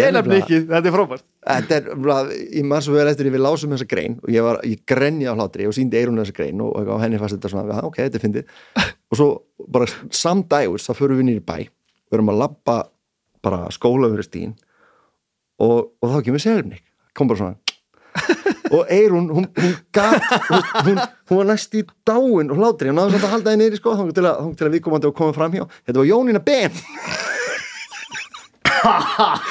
og ég bara veist, Jónína Ben hónaði mig, ég hónaði hana hún nikkaði mig, ég nikkaði hana og Eirún bara svo þetta bara þekkir og hana, ég bara ekki neitt og við bæði slutt bara, ég, ég urðlumst að hlátri sko og þá var einmitt, já, þá, þá var þetta grafin í hausun á mér, þetta nekið En þið, á þessum tíma samt, voru samt popstjörnur, sko. já, já, já, við vorum Þið, á sko, voru, þannig frontarannir í þessu, þessum böndum. við vorum á körboltaspjöldum eða svona, svona, svona popspjöldum Já. Þannig að þú vorum Pepsi bönd sko já, og ég meina, já ég meina það var verið, Pepsi bönd. við vorum á samningi á Pepsi sko, veist, þá sponsoruðu þeir okkur sko þú veist, með allt svona kynningarefni, það var náttúrulega ekkert Facebook eða eitthvað, ef þú nei, ætlar að auglýsa eitthvað þá þurftur bara að gera svo vel að eða fullt af peningu sko. bara logo og plakatið og allir já, góð. já, já, veist, það var bara voru plaggöt og veist, myndbönd og veist, þetta var okkar já. þetta var okkar internet auglýsingar í dag sko. Náttúrulega allt annað umhverfi, maður þetta eigða já, spend money to make money sko. Já, já. Þú veist, allt saman var náttúrulega 50 sinni dýrara sko. þú veist, ef þú ætlar að spila einhvers staðar þá þurftur að leiða kerfi og rútu og kera með það þangað. Já. í dag lappar bara hattin og byrja að spila ef þú ætlar að auglýsa eitthvað þá þurftur bara að kaupa auglýsingar á sam samleysnum bara og, og bylgjunni og bara í blöðunum sko. Já. og hérna og þú veist, ef þú ætlar að taka upp plötu þá þurftur vel að gera það bara einhverjum hljóðveri sem kostaði bara tíu skall klukktímin sko. núna gerir þetta bara í laptopniðinum þannig að þetta, er, þetta er svolítið skrítið umhverfi svona, fyrir okkur í dag að hugsa um það sko. Já, algjörlega. þetta er bara algjör fyrring hvað maður eitthvað miklu peningi bara einhverja vittleysu sko. einhver svona utan á eitthvað svona, já eitthvað svona utanáliggjandi kostnaðir sem bara í dag meikar enga sens miðasali, tix.is Já, já, já, já, akkurat, akkurat. það er bara er einhvern veginn ljósamæður, haugur á hattinum bara, þú veist, ok, við erum kannski með aðeins starra kerfi veist, hljóðkerfi tók bara hálfa rútuna sko, í dag já. er þetta bara, það var allt miklu stærra og dýrara sko. Þannig að þetta er þetta er algjör klikkað að hugsa með þetta núna sko. Og ertu þarna bara svona á sama stað og veist, hafa verið þarna fram að þessu, það er bara svona þú ert í hljómsveit og Já, þetta bara að að gerast. Akron, sko, Já, var ég, Þú bara að vinna hana að og nú bara komið bad og konan er búin skóla og bara Já, og lætur hlutina bara svona gerast. Bara, já, já, einn bara, þetta bara raksik sko. Bara spiluðum og spiluðum og spiluðum og spiluðum og, og bara, og það er einhvern veginn miklu auðvöldar að þeir eru ekki komin eitt bann og bara konan heima og horfa á Friends eða eitthvað sko. Það er bara, einhvern veginn, maður komst upp með að vera aldrei heima á sér sko. Við páskatúrum var fimm dagar í rútu sko. Já. það er algjör, algjör vitleysa. Eh, já, svo bara fer ég rockstar og svo eignast ég fleiri börn. Takk fyrir og góðan dag. Hvenær er, er þetta rockstar? 2006 bæði því, Ok, 14 ár. 2006? já, henni minn ég er búin að eignast þrjú börn síðan þá sko. Hvernig, hvernig gerist þetta? uh, short story uh, það var uh, drengur hérna á Íslandi, Átni sem að Er þetta eitthvað saga sem að maður á að þekkja? Já, þannig sé, ég er búin að segja það mjög oft sko. Ok. en bara short story er sko að sagt, Rockstar in Excess var seria sem var sínt hérna á Íslandi, Akkurat, mjög skemmtileg það sem að Mark Burnett sem að gerir Survivor og Contender og, og Voice og allt þetta út úr því eh, á þennan þátt. Og sem sagt hugmyndi var að finna nýjan söngvara fyrir in Excess Aha. þessi seria gekk svo vel og bara, og svo, hún var svo góð. Já, já, á frábærstöð sko þetta er svo flott pæling. Af því að þarna var bara idol sem bara, þetta verður umrætt hjá þér og bara veist, reyna að finna einhverja hálfvita til að syngja til að gera grína þeim sko. Já, já, svo kemur þetta og það var bara svona allir ógeðslega professional og, og bara, það geggja hjá þér en samt ekki akkur það sem við passaði í hljómsveitina og einhvern veginn, veist, þetta var svo þetta var bara flott sjónar og þannig að þeir ákvað að gera aðra serju og búa til þessa hljómsveit Supernova sem er versta hljómsveit í heimi og var náttúrulega aldrei hljómsveit. Þrjú nöfn. Það bara Tommy Lee að- að að fá aðtikli því að maður allir krúar í pásu eða hættir hérna. hættir Já. og, og sem sagt þeir fara til eh, sko Ástralíu, Kanada til þess að auditiona sko og náttúrulega bandaríkin og fóru svo til Íslands líka. Ég veit ekkert af hverju, það er bara því að þátturinn hinn gekk svo vel inn það er bara eitthvað svona flippi á já, tveir þeir komu hingað bara með veist, kameru og skilur og hérna e, og svo var bara smalað nýr á gauk, þetta var ekki opnar áheitnapröfu sko þetta var bara ringt í alla söngvarana sko. já, já okay. þetta er ekki idol, sko. það var ekki verið að ok. leita af einhverjum sem var rosa góður að syngja sturtu að sko. þú fórst sagt í eitthvað audition já, bara nýr á gauk já, já, Reymur hringdi mig og sagði bara, heyrðu, hérna, Átni Rafmar að ringja og, og hérna að segja að þetta er hvað og hérna, þetta er komin á gauk og sagði mér að smala þannig bara ég pikkaði upp bara klugan tíu bara straka með að fara inn á gauk? Já, já, klugan tíu á mótni og, og þar voru bara basically, voru við bara allir sko. Það voru skímóstrákinni voru hana og, og Kristó og, og Jenny og bara basically allir söngvara sem já, upphugsað okkar kynslu voru þarna sko. Ok. Og svo bara fór allir með kassagítarnir på svið og tók eitthvað lag og spjöldluði við hann að pródusser ógslag skemmtilega gaur sko. Og, og bara gott að blessa. Og svo bara fór hann heim. Og við pæltum þannig að sé ekkert meiri því. Svo hérna svo bara ringdi í mig eftir, ég man ekki hvað var það tveið-þrjá vikur eða eitthvað. Eða búinlega meira, nei, tveið-þrjá vikur. Og bara spurt hvort ég vildi koma í veist, svona second audition. Mm. sem var endur í LA ég bara, uh, já. Ég ætla að fara þangað. Og þá sem sagt flugum við uh, til LA og bara inn á eitthvað hótel og mátti enginn hitta neitt annan sko, af því að veist, þú ert að fara að búið raunveruleika þátt, þannig að keppitutinni með ekki þekkast fyrir sko. Uh, eina vandamála var að það voru fjórir Íslendingar og við fórum bara öll saman út í flugi. Vá, ok. Þannig að þeir voru bara, þeir föttuðu það bara ah, ekki segja neinum, ég er búin að þekkast í 20 ári en það er ykkur og, og sagt, þetta var 50 mann úrtak. Það var búið að taka audition um öll bandaríkin og Ástralíu og Kanada og, það voru frá Íslendingar Íslandi? af 50 sem er algjör klikkun sko. og sagt, ég og Kristó og Heiða og Hreimur Vá. Og mér skilst að Jenni áttu að vera líka. Það er bara eitthvað, eitthvað klikkað eitthvað að vísa hans eða eitthvað leis Ok. Eða eitthvað svona, þú veist. Þannig að, eitthvað, mátti ekki, já, bara komst ekki eitthvað. Og svo bara er verið hann í, í viku sérst bara í svona auditioni bara, þú veist. En það er bara svona off-air og já, bara já, þetta, er bara, audition, þetta er bara inn á einhverju hóteli sko. Ok. bara, þú veist, þá var bara hittum maður strákana og, þú veist, og svo bara var húsbandið hana eftir að higgja þetta er bara verið þeir allir sko. Veist, maður bara valdi einhver lög með þeim og þú veist, söng einhver lög og spjallaði við það og eitthvað. Svo bara var maður að drepa tíman líka í sólbæði og ekkert að gera þarna. Og þeir svona stóru nöfni voru þarna. Já, þeir, voru, þeir voru svona domnendin já, já, strax þarna. Og hérna og bara fyllt einhverjum pródussurum og uh, já, við vorum að það í viku minni mig.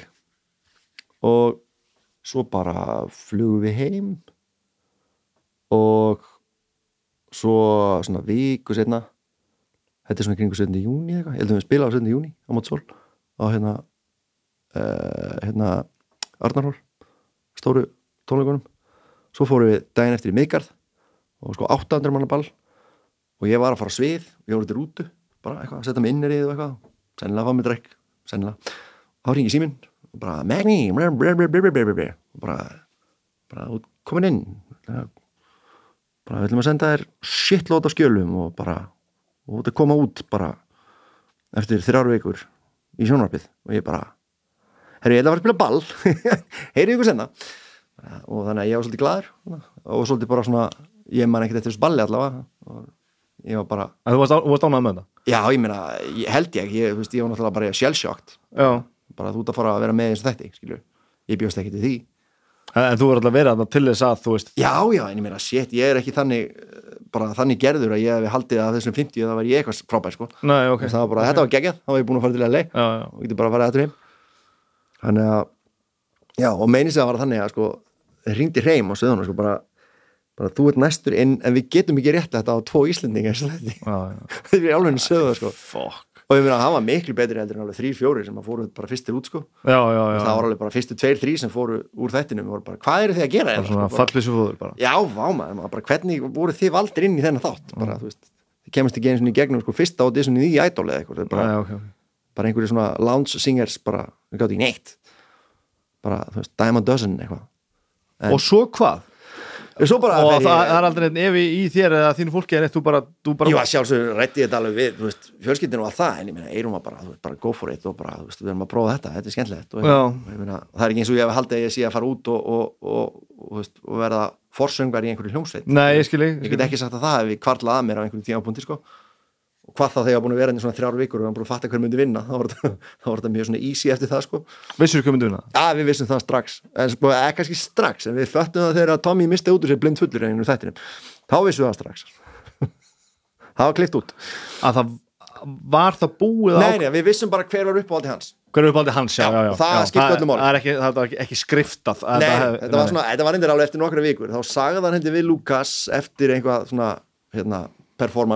þá sem voru, sem voru það, náttúrulega kliftir alveg þeir þættir.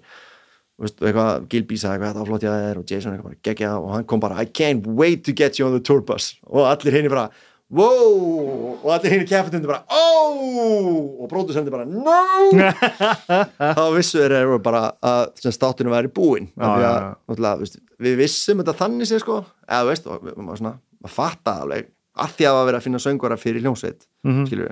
og maður sá bara hvernig þeir geluðu saman sko, Já, já, bara Lukas og Tommy er bara bestu vinni sko, svo bara hann sagði þetta náttúrulega Bara- vissu allir próduserinir bara, já ok, þau eru hægt að keppa og þá var þetta bara, ok, við erum öll saman í lið bara höfum bara gaman að þessu Hvernig, hvernig var það? Og Hvað er það langur tími? þetta eru þrín mánuðir held ég. Ætlaði bara að vera í viku sko.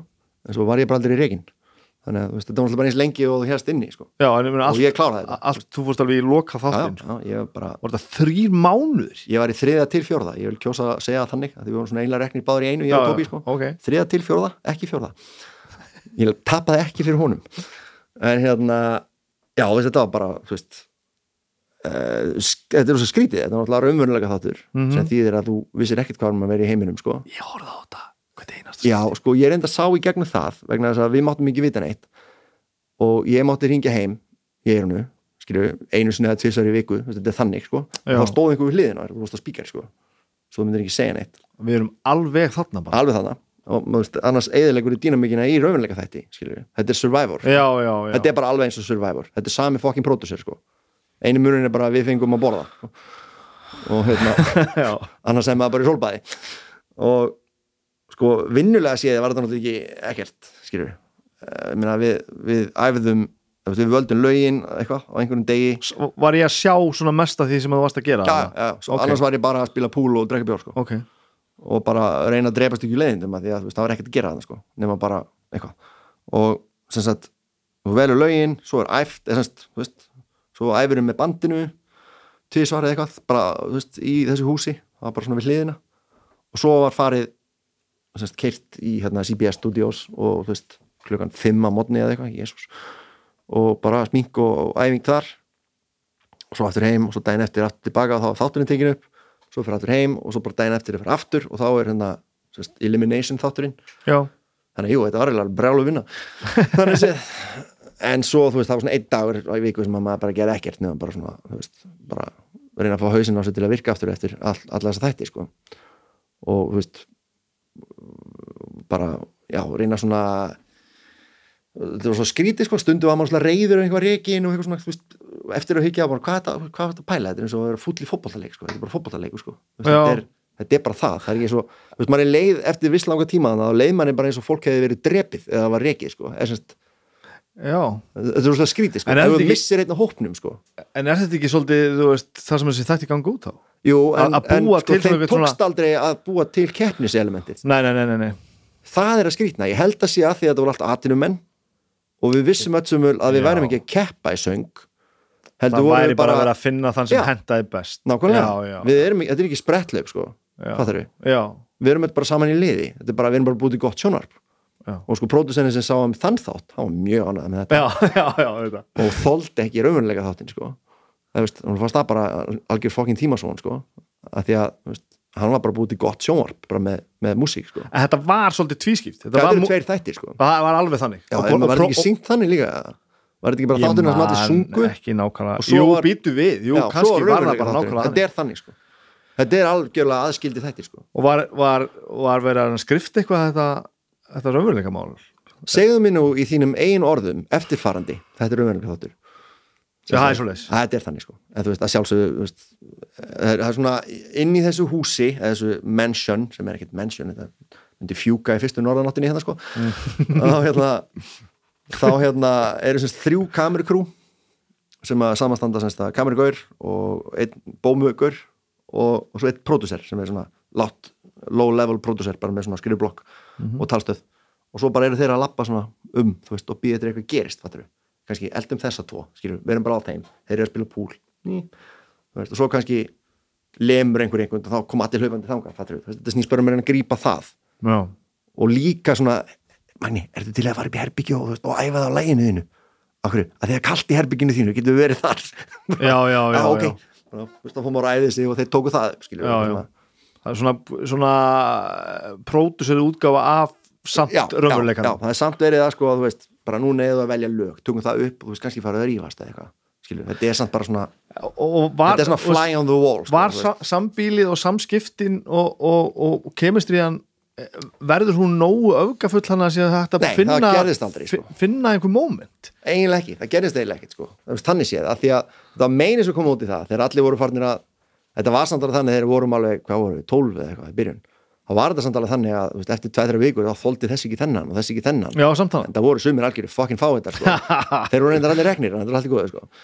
og, hérna, og þá var þetta samt alveg þannig sko, ef einhver byrja að rífast einhvern annan og kamerugörðinir svona voru mættir þá kom, kom þriðigurinn, strákar, býðandur í kvöld Já, ok þú veist bara, við skulum bara tala með þetta í kvöld þegar kamerun er um skil you bastards. Það var alveg svona, sko, bara eru þið vísvitandar hérna eðilega hana þátt, ja. Já, já, sem við vorum svolítið að gera, sko. Var bara, við skulum bara, við skulum bara vera öll sem alveg róleg, þangar til að þeir eru farnir, þá skulum við berja konar hann alveg í klessu, sko. Og, og líka bara, veist, þetta var svolítið þannig, sko, veist, við áttum að rífast um lögin sem, voru, við leppum inn í einhverju stofu og þar voru lögin sem við gáttum sungið við Já, áttum að já. rífast um þau, sko, veist, það var kannski Smells Like Teen Spirit og svo bara einhver, eitthvað með Creedence. En það var samt bara hérna herðu, ég held að Creedence myndi passa þér mikið betur. Já, er það ekki, setjumst aðeins út og prófum þetta allt saman, svo satt maður bara að spila öll lögin. Ég var alltaf látið að gera það, ég er náttúrulega sveitamæljóns Já, ég kunni öll lögin, sko. Það bara Magni hvernig er þetta lag, heyrðu það er svona. Heyrðu, já þetta er flott lag, ég kannski tek það bara. Nei, ég skal bara taka það. Þetta var alveg svona, það var bara pródúserandi bara, fuckers, bara þú veist, á ekkert að rífast sko. Og á hvaða leveli, þú veist, voru þið pyrra, voru þið pyrraðir? já, bara ég voru alveg sko, það var stundu sem þeir voru í álunni bara pirraðir sko, þú veist, þegar við vorum alveg Þú vil það skrítið jobb að- reyna að krist eitthvað fram sem þú hefur eiginlega sjónvarp sko. sem þú hefur eiginlega samt ekki alveg eitthvað um að segja ég veit það, og svo náttúrulega veist, eftir því sem maður leið á, þá voru náttúrulega færri og færri og bara róleri og róleri, fattar veist, þá, þú veist, var kamerutíminn komið niður í ekki raskat, sko veist, að því Já, að það er já, ekkert, já. þú veist, það er ekkert að gera, sko að fækkar allstar já, þú veist, það bara, þú þarft ekkert að vera elda tólmanns, það er bara þessi fjórir þátturinn er orðin svolítið svona, veist, það er allir orðin vínir, það er allir um að vera afslappaðir það er engin- allan tíma, þetta er Já, ég mánuðir það, það var þetta bara orðið eins og heimilishald sko.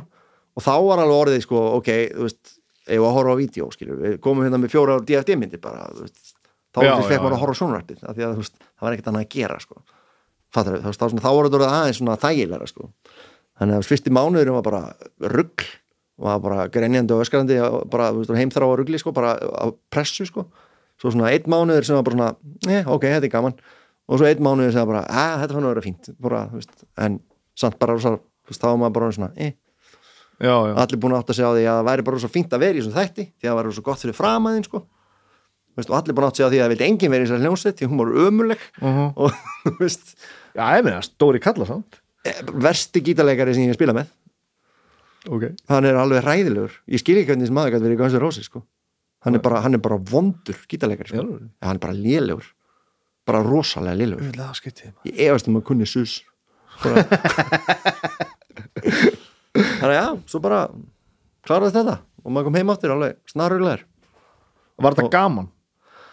Ég held það, þetta fer svolítið eitt hrærigraut sko. Þess vegna spyr ég, sko, að ég sé hvernig sko, þú ert, sko þessir þættir semst að spila var veist, að vera hana í sjónastúdíónu með þessu húsbandi að spila það var bara geðvegt, þessi hljómsveit var náttúrulega urluð þetta var rosalegt band sko. það er bara, eru klikkaðir þú veist, þetta, er, þetta er basically bandið hennar Pink og bandið. Paul Stanley og þeir eru búin að túra með öllum sko. já, já. og ég vil líka að við vorum undir það góðu vinnir það fyrsta sem gerist eftir hennar þátt var að hérna, Paul Mörkovits, tónlistastjórin bara gauðir sem pródúserar bara sér um live öktin fyrir veist, Pink og, og einmitt, Paul Stanley og Cher og allan anskotan sko.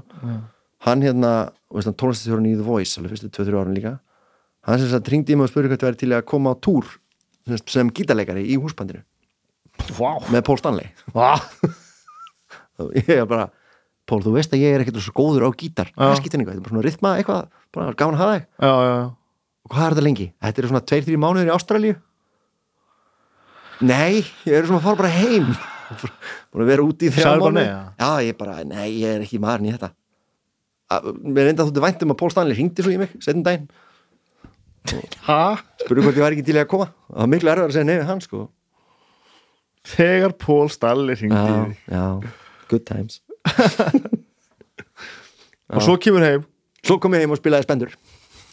Og spilaði, já, nákvæmlega. En svo kom ég bara heim og það bara þá náttúrulega, sko já, það sem ég ætlaði að segja á hann ég mátti tala þú veist við eirunu einu sinni að tvisar í viku eða eitthvað. Uh, ég grenjaði bara nóg mikið til þess að til þess að það föttu að ég var bara með lítið barn heima og þyrfti nú kannski að ringja oftar heim. Já, já. það var ekkert mál að samfæra þess að hasshausa um það sko.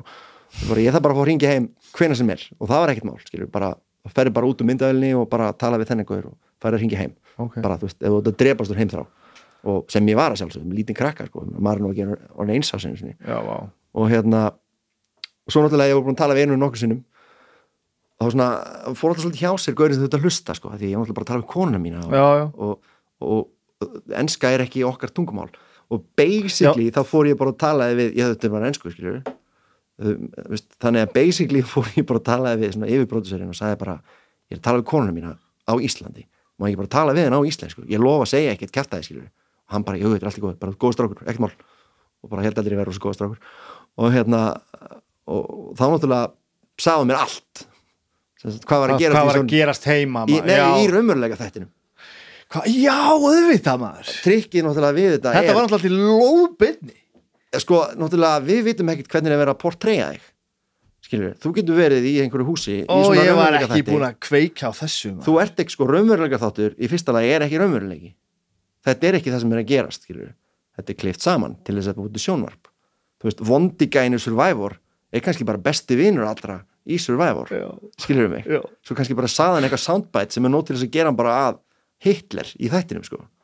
Þannig að Eirum var bara að segja mér, herri, já, sko Ástralin, nei, hún sagði ekki eins og Ástralin kengúrstrákurinn, Já, passaði sér svo mikið. það var alveg geðveikt. Það var hérna vindurinn, það er storm og það var alveg geðveikt sko, hún er svo með þetta. Og það bara hérna, og þetta er kannski að segja hérna þú veist, hérna, litla nagdýrinu á Lukas að veist, þetta er kannski að passa sig þegar hann gerir þetta skilur og komið svona pointer á um alla. Ok. svo náttúrulega fór ég bara til þeirra þegar það var komin háttatíma og myndaði hann fara. Herru, Tóbi, á morgun, kannski passa það að vera ekki fáið til þarna, því að sjónarpinu kemur út eins og þú sér bara að reyna að drepa þennan og sér bara raðnöðgari og það bara eitthvað, já, ok. Þannig að þú veist, ég er svona diffjúsaði allt saman sko, þú veist, svona eiðilega sjónarpið, endanlega, bara með að vera með Intel frá Íslandi, sko. Þetta er rosalega sagði já, ég var búin að gleyma þessu eiginlega, þetta var alveg klikka, sko. Svo, þú veist svo náttúrulega bara vesinni þetta heima ég meina, þú veist, við fengum ekkert borga fyrir þetta, sko. Við vorum með eitthvað svona stipend sem er svona dagpenningar sem voru ekki raskat og sko gengi var 62 eða eitthvað. Já, já, já. þannig að sko þúsund dollarar var, var nóg fyrir pulsu hérna heima sko, þetta var alveg þannig sko. Rosa fínt eða fyrir gítarsender en ekki gott að það var að fá borgað. Nei. þannig að þú veist, þetta, maður var alveg bara á ég ekki að fara að koma út þætti, sko, ég var heima að vinna bara, það er alveg þannig, bara með lítið barn og, og íbúða eitthvað sko en þá komur hún reyndar með eitthvað sprún eða eitthvað sem bara basically gaf okkur pening. Bara, bara gaf eirunni pening bara, þú veist, hún sem getið borgað reikningarna sko, það er alveg þannig. Hvernig vissu þau það? Varstu farin að ég, kvarta? Neða, hún basically, ég heldur hún var bara basically sagt það í einhverju viðtali sko, hún var bara spurð. Já, bara, já, já, henni ekki að mók græða á sig? Það var bara, eh, ég, veist, hún fekk ekki veist, og ég, ég gæti ekki látið hana hafa peningan sinni. Nei, nei, það er bara settir eitthvað umslag bara, veist, sem ég fekk bara í lokin sko, já, ok. Sem var eitti svo bara jafn óð, eða semst þú eittir inn í þættinum sko, þú veist, við erum að fara í búðina. Já, já, mér Já, hérna, var það að peningunum þínum sko. mér vantar hérna Rakvél og, og Höstler mér er bara að leiðast mjög mikið. Já. og veist, eitthvað svona dóttir í sko. þetta er klikkað sko, eða þú ert í svona þætti það, með, veist, það er engin logo. Mm. Þú veist, þetta er svo skrítið sko. já, já. óbrandað allt já, saman allir maturinn er óbrandaður veist, ég var kannski að drekka bjór en þú sást bara bjór, þú sást ekkert, það var bara glas veist, Já. ég var kannski að drekka kók það var bara í glasi, Mm. þú máttur aldrei lappa inn í mynd með adidasmerki sko. Nei, þetta er alveg þar, þetta er Já, alveg já. rugglað sko. flókið maður mjög, og rosa mikið að gaffer var lími já, það er ætlaði að líma Martin logo og minni, bara ef þú setur límband og gítanum minn, þá drep ég þig. Þannig að gera það nú ekki. Bara þá hendi ég þér í sundlaugina með myndaðanlegina fýmblið þitt.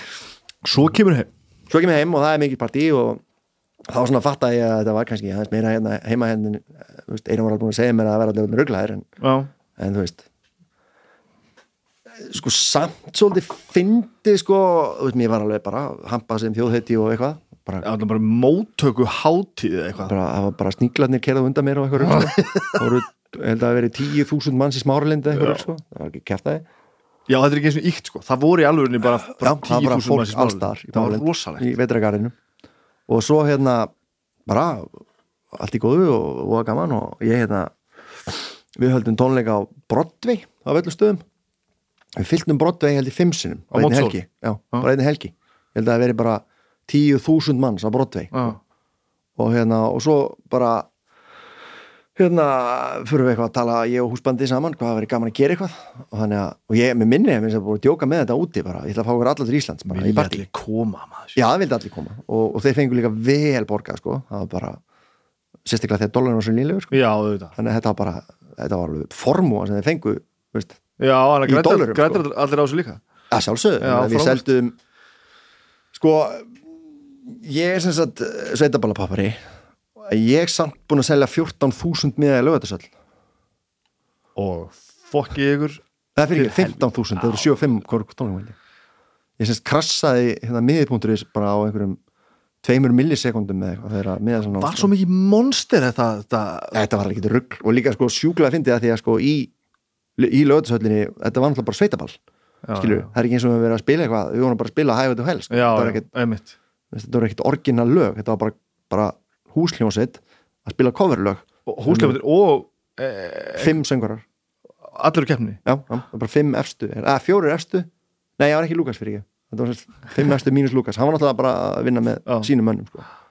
og hérna, svo fekk ég Josh sem var svona eiginlega upp á sköri minn. Hann var svona eiginlega næstu í herbyggisfélagi minn.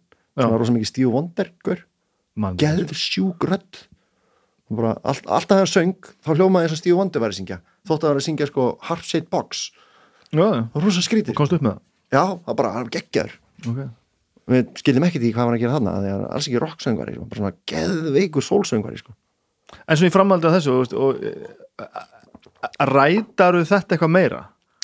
Sko, ég man að, að kom mér svolítið óvart sko, kemur bara heim og væri bara söngvarinn í móti sól.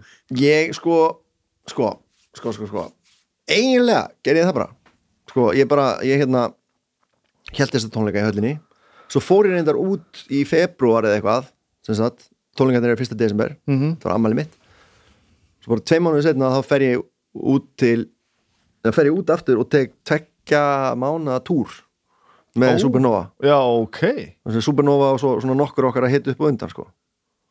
og það eru 26 borgir eða eitthvað það byrjum bara neðst í bandaríkinum já, fórum við upp hérna austusturundina upp í Kanada og niður hinum einn í februar, hann er maður stundum bara sko frosið á hann raskati, það er Ah. kallt í sem ríkjum svo Kanada bara, ef þú geimtir eitthvað niður í lest þá gæstu bara ábyrst að það væri bara svona bara grílukerti daginn eftir sko. ok minnir að einhver gítar hafi bara Ah. gjöreyðilagst sko. og hérna ég var bara, þú veist, það var bara gítartekk í rútunni sem maður bjóð til bong og röllu og þú veist, hljómsveitir að tópi í rútunni og táfíla og, og bara Playstation og 26 borgir og já, bara svona, bara svona túr bara, Já, bara mjög gaman, sko, og hérna þá þá var líka, þá var þetta endalega komið bara úr kerfin á mig, sko, þá, bara, þá var ég bara búinn að prófa þetta allt saman, bara ég er búinn að fara að vera í sjónarpinu þetta var bara mitt í Eurovision sinnum, sinnum tíu, sko. Já, já, veist, það var bara 30 miljón manns að horfa mig einstu viku Já, og, og ég var í þrjá mánuði í sjónarpinu, sko. Já. Og hérna, og svo fór ég bara og spilaði í 26 arínas bara, nei, hvað er þetta? Þetta er ekki arína þegar það er svona körbólta allir og eitthvað Mm, jú, Jó, það er arína, einhvern veginn 26 þannig og Já. veist, Radio City Music Hall, sko, þú veist og einhver svona, svona var mjög gaman þetta er þetta er bara þú veist- full, full blown stöð og tók jam session með Michael J. Fox og Sinans og hérna og Tyrone Porter, bassarleikar og Doobie Brothers og þú veist, eitthvað svona bara, þetta var mjög surrealist og veist, þú lappaði inn á Tommy þegar maður var frá blowjob og bara, allt, allt bara eins og að vera, sko, góð túr. Svo komum við bara heim og þá var þetta bara fínt, sko. Og varst ekkert fokkt upp betri það? Jú, alveg, gjörsanlega en mér langaði ekkert að fara út, ég var bara fucked up ég var bara, þú veist, bara tjónaði, sko. Já, ég áttunum við fokkt upp eins og það langaði til þess að Nei, ég var bara fucked up fucked up, að sko. þú værir, værir ekki að fara að gera það meira. Nei, það var fínt, sko, ég var bara fucked up, mér langaði bara að fara heim, sko. Já, já, ok. Helst verið til ég að fara bara heim og setja þessu på traktor sko. Þú veist, ég er alveg þar sko. Og varstu tjónaður ef- ef þú já, ég, þeim ég bara, bara, veist, bara ímyndað það í hausina með að bara einhverstað upp í raskatina á mig sko. já, já, gjössanlega, kólruglegar, hundleðilegur og hérna og þessi betið fer umgaði einum sínu yfir mig þannig að við erum með það saman og við fórum alveg þreymur þangað. börnum fleiri. Við fórum sérst alveg þáka já, bara ég var alveg veist, ég hafa ekki þetta verið með mér sko. ég, var bara, varstu bara svona leiðilegur að ég, ég veit ekki eins og ég, ég man ekkert eftir þessu. Það er svo skrítið ég man eftir að spila með Tano Porter og ég man eftir að djama með Michael J. Fox og ég man eftir að veist, vakna í rútunni og vera úrslega svangur því að helviti skítatekkin var alltaf að reyka gras fyrir aftan mig og ég var bara með munchies sko. já, og hérna, og veist, ég man það en ég man ekkert eftir að hafa spilað á öllum þessu stöðum og ég, veist, ég man þannig séð ég man eftir að vakna einu sinni inn í einhverju höll sem þess að rútuna keirðu bara inn í höllina vaknaði í rútunni, lappaði út úr rútunni fór catering, borðaði saman og ta- fór styrtu soundcheck, tók segir einn svo með hérna, róturunum að því ég var bara komin í, í soundcheck bandið og hérna fekk mér bjór, spilaði gigið fór í partí, fór aftur upp í rútu og ég veit ekki ennþá hvað borgi var því ég sá hann aldrei ég vaknaði inn í höllinni og sopnaði inn í höllinni sko. Þetta er þannig, þú þekkir þetta maður veit ekkert hvað maður er nei, eftir 20 gig sko. Mhm. þannig að veist, uh, já, bara þá einhvern veginn þetta var ekki fyrir mig skilur. mér fannst bara miklu meira gaman að vera heima að mér sko og varstu bara, orðin bara óheðalegur eða bara, já, bara leiðilur og bara dúsbjörg held ég. Það er rosalega langt frá því það sem þú ert samt. S- við skulum bara þakka konunum mínu fyrir það. Ég er bara vel upp alveg af, af, af fóröldurum mínum og konunum mínu ég bara, ég bara svona týndi sjálfum mér í smá stund svo bara fann ég með er þetta ekki óheðalegt Jú, rosalega, og í álfurinni ég er ekki bara hljóma svo dúsbæk sko, en ég man eiginlega ekki raskat eftir þessu sko. Ég man eiginlega ekkert eftir og samt hef ég aldrei notað fíknefni sko. Ég ætlaði að fara að spyrja þessu, var þetta neyslu tengt nei, það getur náttúrulega að þessar óbeinu reykingar frá svona fucking Já. gítartek hafa eitthvað skemmt mig en, en hérna, nei, nei, bara svo kemur ég bara heim og þú veist, og það er bara svona vist vist tímabil það sem að ég svona fyrir að verða aftur svona tildulega eðlur og, og svo bara flytjum við til Akureyrar og það er allt miklu betra hér. Svo flytjum við aftur suður því að Eirum fekk vinnum þar og allt í góð og svo flytjum við aftur til Akureyrar. Og við erum búin að vera hérna í átta ár og eignast, þú veist, þrjú bönnum viðbót og tveir eru fættir hérna sko. Já, og bara, já og ég bara öðlaðist eitthvað senn fyrir svona tíu ára síðan. Að þú þurftir alveg að finna það aftur bara. Og ég fann það bara, ég þurfti þetta til þess að verða ég sko, Þú veist, ég held ég hafi ekkert verið Þú veist, mér finnst ég ágættur í dag sko. Já, mér finnst ég fýtt gaur sko. Þú veist, til dæla minnlaus ég held ég, ég held ég ekki verið svona fyrir Rockstar heldur sko. Já, ég skilði þig veist, ég held að þetta var bara crash course í öllu skilur við ég tók bara ég veist, er ekki fullt af svona tímabilum þar sem menn veist, verða douchebags og, og kaupa sér sportbíl og bara allan pakkan skilur veist, þetta allt saman einhvern veginn. Þessi þroski sem maður tekur út á 50 árum aha, ég tók það bara út á þú veist, 15 mánuðum eða eitthvað skilur þá bara svona, þá fattaði ég allt sem ég lifi eftir í dag skilur bara svona sjálf, sjálfhverfa og að- meta ekki réttu hlutina. Já, til verleika eða svoleiðis. Veist, eins og þetta veist, að vera frægur. Til hvers? Mér er bara, bara, gáðan ekki út lög sko. mér er bara gáðan að búið til tónlist. Og mér er rosa gáðan að spila fyrir frá fólk. En ég þarf ekki að spila fyrir frá miljómann sko. það er alveg nóg fyrir mig að spila bara á hattinum. Mér finnst það geggja og hérna, það er bara best. Og ég meina, ég er löngu búin að fatta það að, að músíki sem ég geri, sem þetta er mínu nafni hún er ekkert að fara að vera vinsæl sko. En mér er stund geggjuð sko. veist, ég, bara ég gátt lagan daginn sem ég er óvendilega stoltur af það var spilaði svona viku og svo bara svo kom eitthvað eitthvað, eitthvað cover af Eurovision-lægi og það var það bara út sko, Já, já, já. og mér finnst það bara allt í lægi, það fer ekki til töðunar á mér sko. nei að, þetta, að því ég er hann sko. það, þetta, er svona, svona, hérna, svolítið svona reoccurring þetta kemur alltaf upp annars lagi sko í öllum vittunum síðan tek eða mjög mörgum sko það er svo auðvelt að segja þetta samt þegar maður er búinn að hinu sko. Já, já, en sko maður hefur réttin þegar maður er búin að gera E- já, veist, ég er búin að gera allt sko. Akkur, fer ekki í já, já, hvað ég er búin að gera? Veistu hver ég var? En, veist, ég get notað þetta, veistu hver ég var alveg bara eilífu sko. Bara, en spólaður þið semst bara tilbaka úr þessu? Já, bara bara með hjálp góra vina og góra konu og, Og- og bara svona einhvern veginn svona púslaði hausnum á mig saman aftur og, og bara fattaði að eina sem þetta snýst um er bara að vera góðu pappi og hafa gaman að sér sko. já, og ég ætla að segja það. Og, le og lendi þá eftir það bara á þessum stað að vera bara ánað með það svo hefur. Já, og bara vera hér.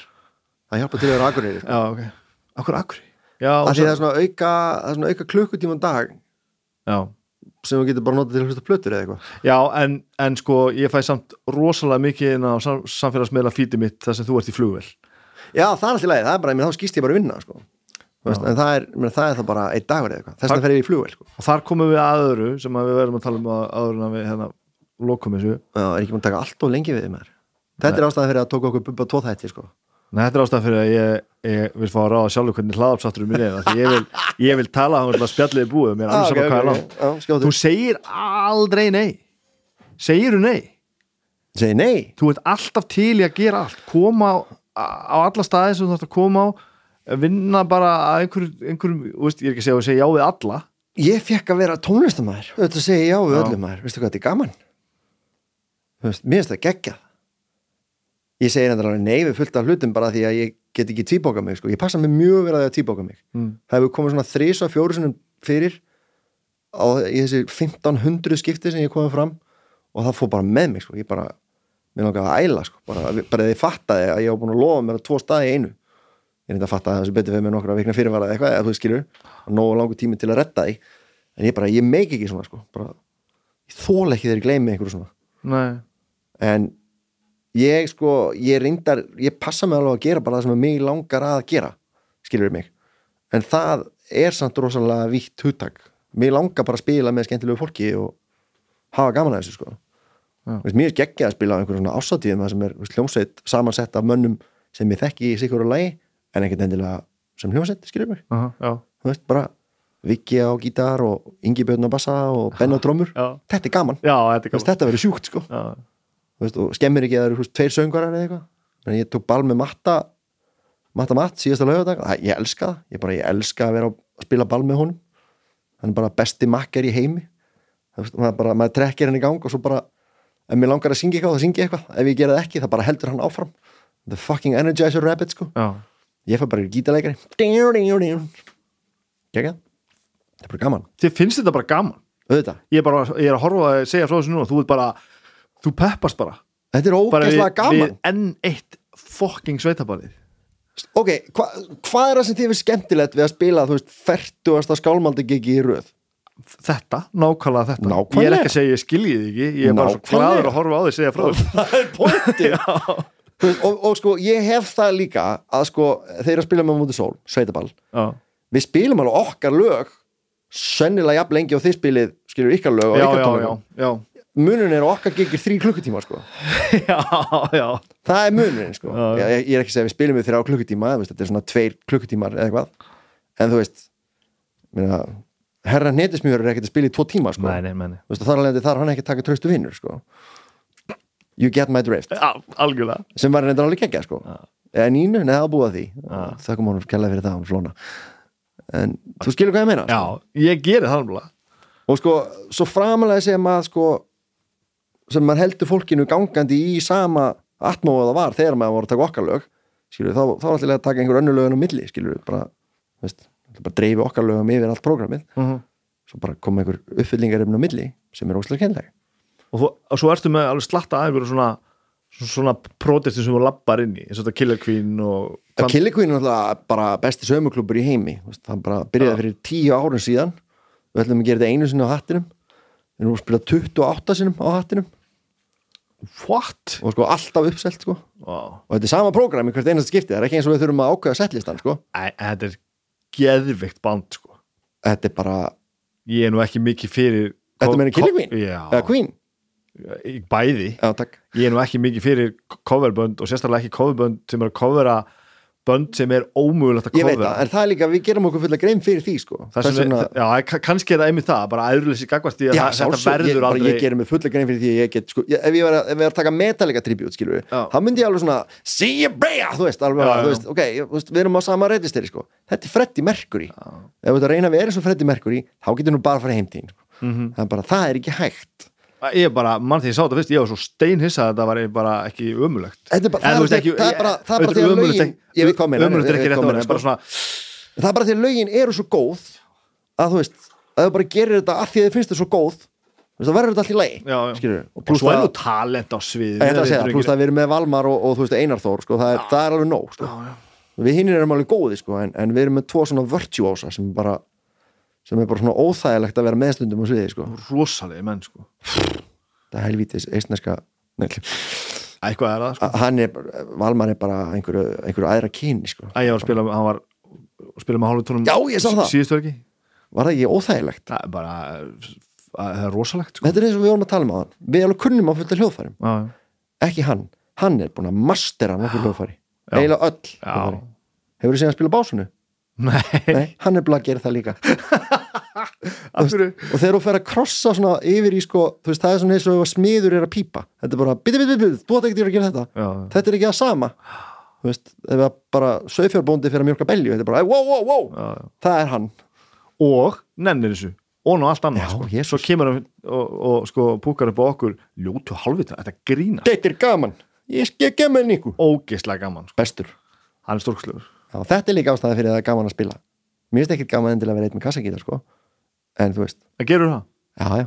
Er það fyrir pening já, já, ég, veist, að, meina, ég, meina, ég spil í alls konar brúköpum og rugli, skilur við, það er alveg- gaman veist, don't get me wrong mér finnst það alveg gaman að spila kassagítar mér finnst það miklu skemmtilega að vera með einhverjum þetta er náttúrulega félagskapur. En þú ert þarna líka þú, þú, ég trú, trúpaði í Reykjavík ég held ég að ég trúpaði tvö ár hverjum einasta fimmtudegi á, á hérna, B5 bara í tvö ár sko. wow. alltaf, bara frá bara eitthvað, 9 til 12 eða eitthvað, þá hlýtur nú vera að vera farin að horfa á þetta sem þú veist Nei, það var alltaf gaman, það var alltaf smekkað. En það er vinna, hlýtur að Já, þá ert að fara í vinnuna. Að sjálfsögðu, alveg grjótar og svo fór ég á dönsku krána í svona tvö það mitt en þú veist, þá líka var það líka veist, uh, þá var það samt sko veist, ég ætla ekki að taka fyrst á að þá þarf ég að spila bara ning, ning, ning, ning, ning. ég er að fara að vera hérna í tvo klukktíma og ég er að að spila sem mig langar að spila. Já, já, já, að þú veist, það er bara óskalög og svo bara, Radiohead er mér langar skilur bara, Mm, bara þið getur vel fokkað ykkur, ég ætla að spila þetta lag. Já,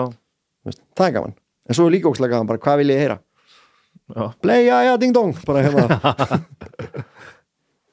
Uh, við skulum orða sem svo að mín uh, tegund og tónlistamönnum hló mest af þessum brandara í myndinni. Já. það var alveg bara hver þekkir ekki ja ja ding dongurinn? Spila okkar! Og, og svo bara þessi tónlistaskóli hvað, þú veist tónlistin, já, er ég glemði því já, fyrir svo, svo, er þetta allir tónlistakennari já, hérna, hann bassi afsaka hérna, áður um byrja á þessu. Já. er þetta í fyrsta skipti sem þú færið nýja vinnu? Er það að fara að kenna markvist tónlist? Uh, sko, ég hætti í Akron 2006 já, ég basically fór í Rockstar og ég kom, komst ekkert aftur í vinnuna. Það er ennþá að býða eftir mér.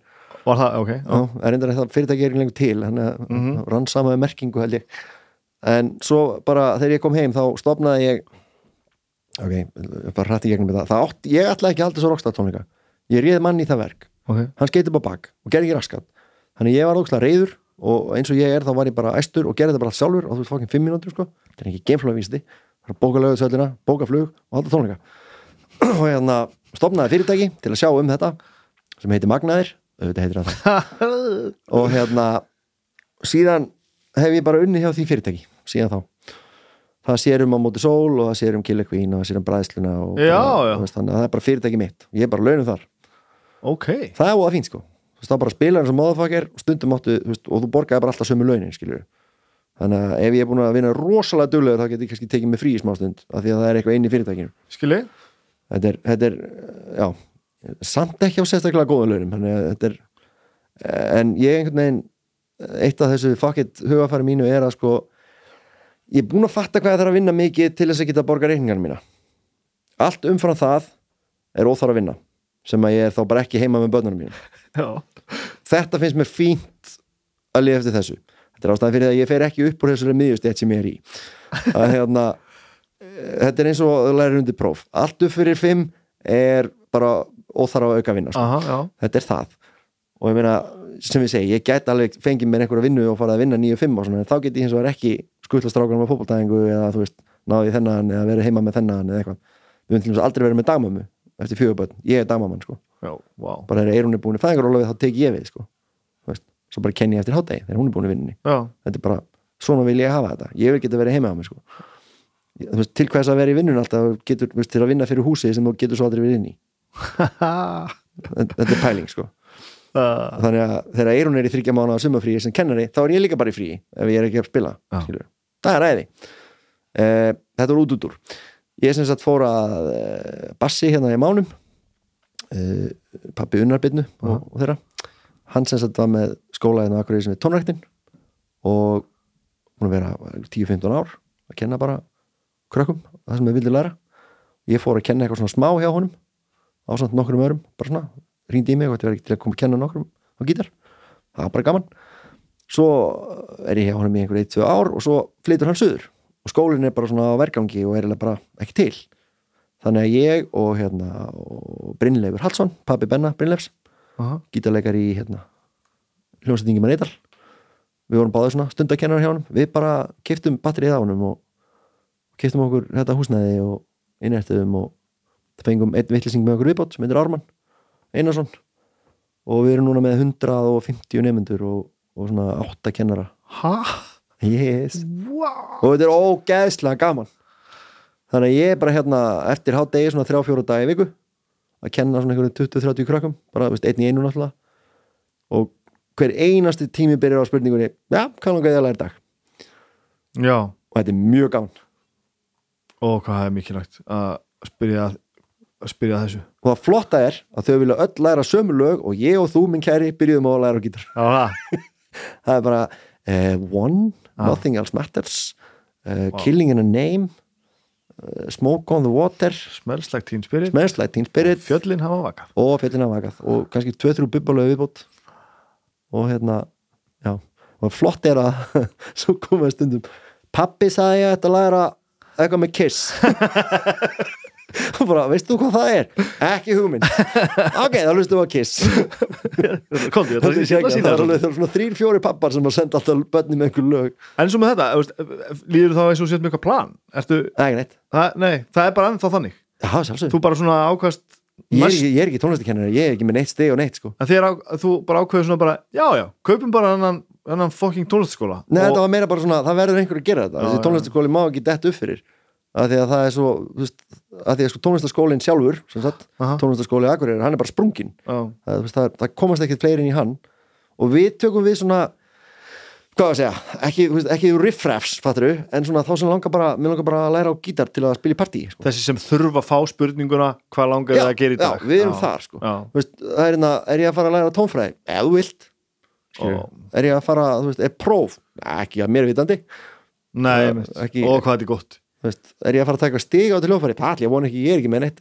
Nei, nei, skilur, ég er búin að komast upp með þetta núna í hvað ég gammal 20 og 20, nei. Herru, ég- 30 ár sennilega síðan um stofnunum fyrstu hljómsdina já.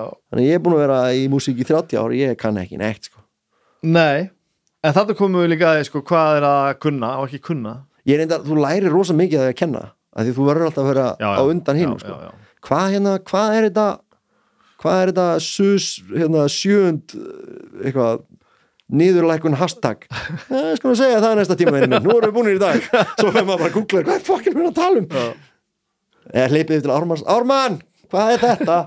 Það er rosa gott, þeir nefnilega eru báðir mjög klárir sko. uh, Billy er algjör snillingur og, hérna, og Ármann er, er bara algjör virtuoso sko. þannig, að, ég hef þá.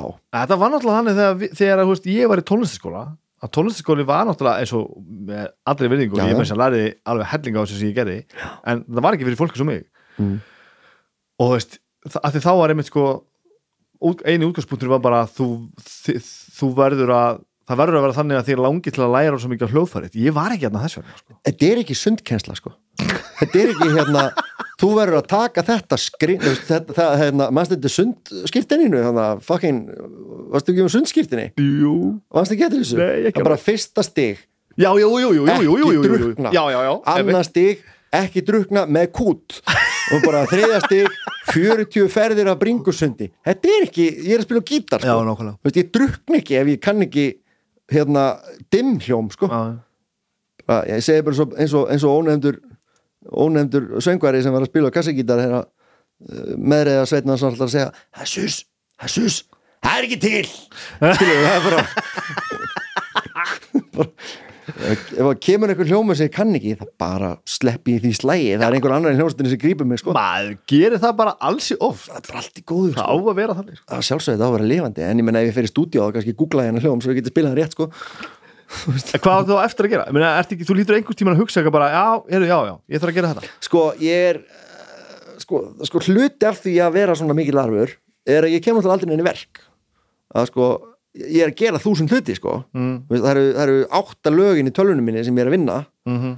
og sko ég var að leifa hérna, hitti Adda Gísla trommara Íslands áðan í, í Reykjavík og hérna leiðum að heyra lag sem hann spilaði fyrir mig fyrir svona tveimur árum síðan eða eitthvað sko. Mm. og það er geðveikt, ég hef aldrei heyrt svona flott trommubreik, nei take, bara ég, Já. ég var að leiða að heyra þetta eftir sko, það er bara þetta kjaftaði það bjóð bara til nýjan takt. Rosalega og hann bara, þetta er geðveikt, hvernig kemur þetta út? það veit ég ekki, þetta er tvö ár sem þú spilaði en trommunar, þetta er bara, þetta er work in progress og lægið sjálft er fimm ára sko. Og hérna, þú veist, ég er svo rólegur í þessu, af því að ég er ekkit að veist, ég er bara að gera þetta fyrir mig, mér finnst það bara gaman. Ég, ég gátt lag með Águstefu sem að er bara, bara spilað í mauk sem heitir Stormin hefur lægt. Mm -hmm. það tók tvö ár að gera það. Þetta Já. er coverlag það tók svona hálftíma að spila það inn. var ekki Eurovision-lagi sem að Jú, Sæ- sem að jú. Sæ- Sævar samt texta, þetta er bara geðveikur texti hjá veist, ég er búin að syngja þetta í sko tíu brúköpum og tíu jarðaförum sko. Þetta er líka bæði gott lag og upptakanir og bara, ógeðslega þetta er rosalega vel hefnað af öllu leiti, við erum að tala um þetta og segja sko, það er bara einhvern veginn Þetta smá- einstaka sinnum raða allar stjörnuna sér upp í röð. Og þetta var bara, veist, þetta var þannig Já. en þetta var samt þannig að við sko við vikki gerum undirspilið, sendaðu til Nashville hann er einhver gauð sem spila vona það, það tók svona þrjá dag svo kom Ágúst á sönga og svo glemdu við svo ári setna þá söng ég minn hluta já, já, það leið fucking ár á milli þar sem við gerum ekki neitt sko. já, já. Þú veist, þetta er svolítið svona ég í hnótskurn því ég var bara að gera eitthvað annað sko. þetta er sennilega aðtilsprestur já. en þú veist, svo, svo, svo fer ég tölvuna og opna hérna Studio One og bara, já shit, ég var að vinna í þessu lægi þetta hvað, bara ég að uppfæra tölvuna áður en ég get bara. En ég er kannski ekki, ekki bara að tala um þetta, ég er líka að tala um bara, þú veist, ég átti ekki eitthvað svona sem að áttu bara eftir að gera, þú veist, ekki Já. endur að tónlistalega eða atvinnulega, bara já, þetta er eftir að lappa aftur í stórurð það er svona eina sem er á stórurð, nei bara Já, ég skilji, já, já. Bucketlisti minn er voðalega einfaldur sko. Það er bara, eftir svona ár þá þarf ég að bera hana pall sem ég smíðaði um daginn. Já, við erum bara þarna. Já, minna, auðvitað. Meina, ég bara, þú veist, ég bý með ég bý hérna í húsi með, með fimm öðrum manneskjum sem ég elsku það lífinu og þú veist, það er bara hver einasti dagur er bara ævintýri, sko. Veist, ok, á bucketlistanum er að fara á svona 50 fótboltamót ég, bara, ég get ekkert skipulegt neitt frekar þegar þeir eru allir í fótbolta það fyrir bara allir, all, öll æfi mín í þetta. Og ég meina yngst er eins og hálsá þegar er svona að verða búnir þá byrjar hann, þannig ég verð ver, ver bara í þessu svona næstu 15 ári nei, bara þú veist, er þetta ekki bara að hafa gaman? Er það ekki? Ég, ég þarf ekki að sanna neitt fyrir neinum öðrum en sjálfum er hérna tónlistilega séð, ég er sattur sko og meina, ég þarf ekki að fara í Eurovision ég er búið með rockstar. Herðu Takk fyrir að tala um mig. Takk fyrir að hlusta á mér ömla þetta var gaman. Já, þetta var frábært.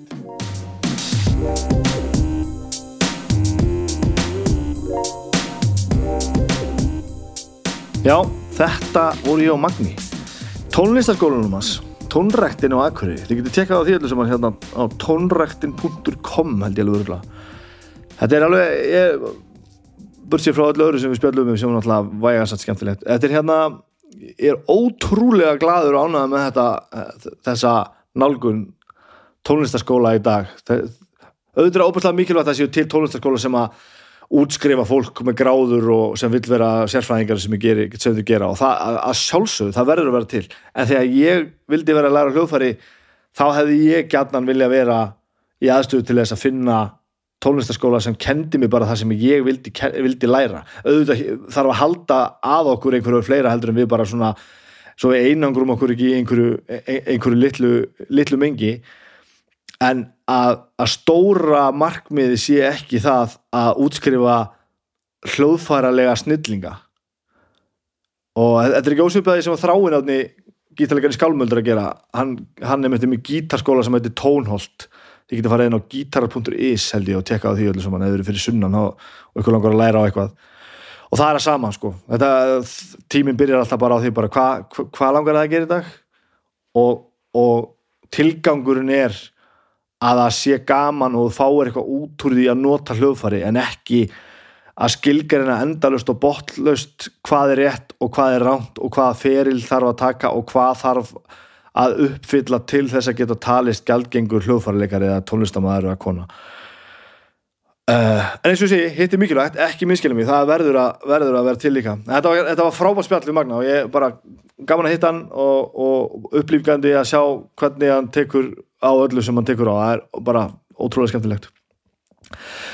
Svo bara þessi vika Dómstafur var hérna mándaginn uh, að fara kostum eins og venjulega. Ég man ekki um hvað ég var að tala. Ég er búin að hlusta þáttinn og ég er svo, svo miklu frí að ég hreinlega bara ég, ég man, ekki, ekki neitt nema ég hló ógeðslega mikið að einhverju. Ó, góð saga baby, flottur. Eh, í gær, sérst, í dag þegar þetta er talað meðvíkudagur á drauga, drauga fortíðar. Afsakið, drauga fortíðar nummer nýju ég er ekki búin að hlusta á þáttinn en, en, en, en lýsingin er svona elskaður faðir og morðingi heiti þátturinn. Hvernig bregst þú við ef kletturinn í lífiðinu er alls ekki það sem að virðist vera? Sem, alls ekki það sem að virtist vera. Aðtöið sumt í þættinum geti valdið óhugnaði. Ok. Uh, Þannig er það, og morgun er svo besta platan og það er hvorki meirinni minna en besta platan með Roxette. Það er Luke Sharp með Roxette og ég vek svo sérstakka aðtíkla á því í samtöku hljókirkjuna að allir þessi þættir nema þessi þáttur hér hafa sínar uh, eigin umræðu grúpur á Facebook. Þannig að þið getur farið inn og slegið inn drauga fortíðar, bandstreik umræðuhópur og þar kemur inn alls konar ítarefni bæðið frá stjórnum þáttana og þeim sem hlusta og vilja bara blanda sér í umræðuna að leggja eitthvað til. Og þetta er sagt besta platan umræðuhópur. Drauga fortíðar umræðuhópur. Og dómstafur umræðuhópur. En, en ég hef ekki fundið mig knúin til þess að setja inn umræðuhóp í samband við snæpi talaði fólki, ég held að það geti enda illa eða, og eða heimskulega. En þetta er allavega svona. Þetta var, þetta var skemmtilegt. Gaman að gera þetta á öðrum stað heldur en svona heima í eldhúsi. Já, þetta var fyrsta viðtalið sem ég tek sem er ekki, ekki heim í eldhúsi það var bara, bara, hérna, bara stöpandi fyrir og eftir sem ég tók síðast en núna er ég pínu klandri eins og ég sagði hann ég vantar einhvern til þess að tala við svo ég geti klára hérna, klára sumafríð og ég er bara á ferðinni og bendiði mér á að þið viljið heyra einhvern viðtal eða með einhverja mannesku í huga Þetta er orðið gott í bylli. Ég byrði ykkur vel að lifa, hlustið á hljókirkjuna, mælið með okkur út um allt, gefið okkur stjórnur á iTunes og hinnum og þessum stöðum. Þá gengur þetta allt betur og það er auðvöldra fyrir okkur að vera til og gera meira af þessu efni. Þetta gengur vel, þetta er frábært. Takk fyrir í dag.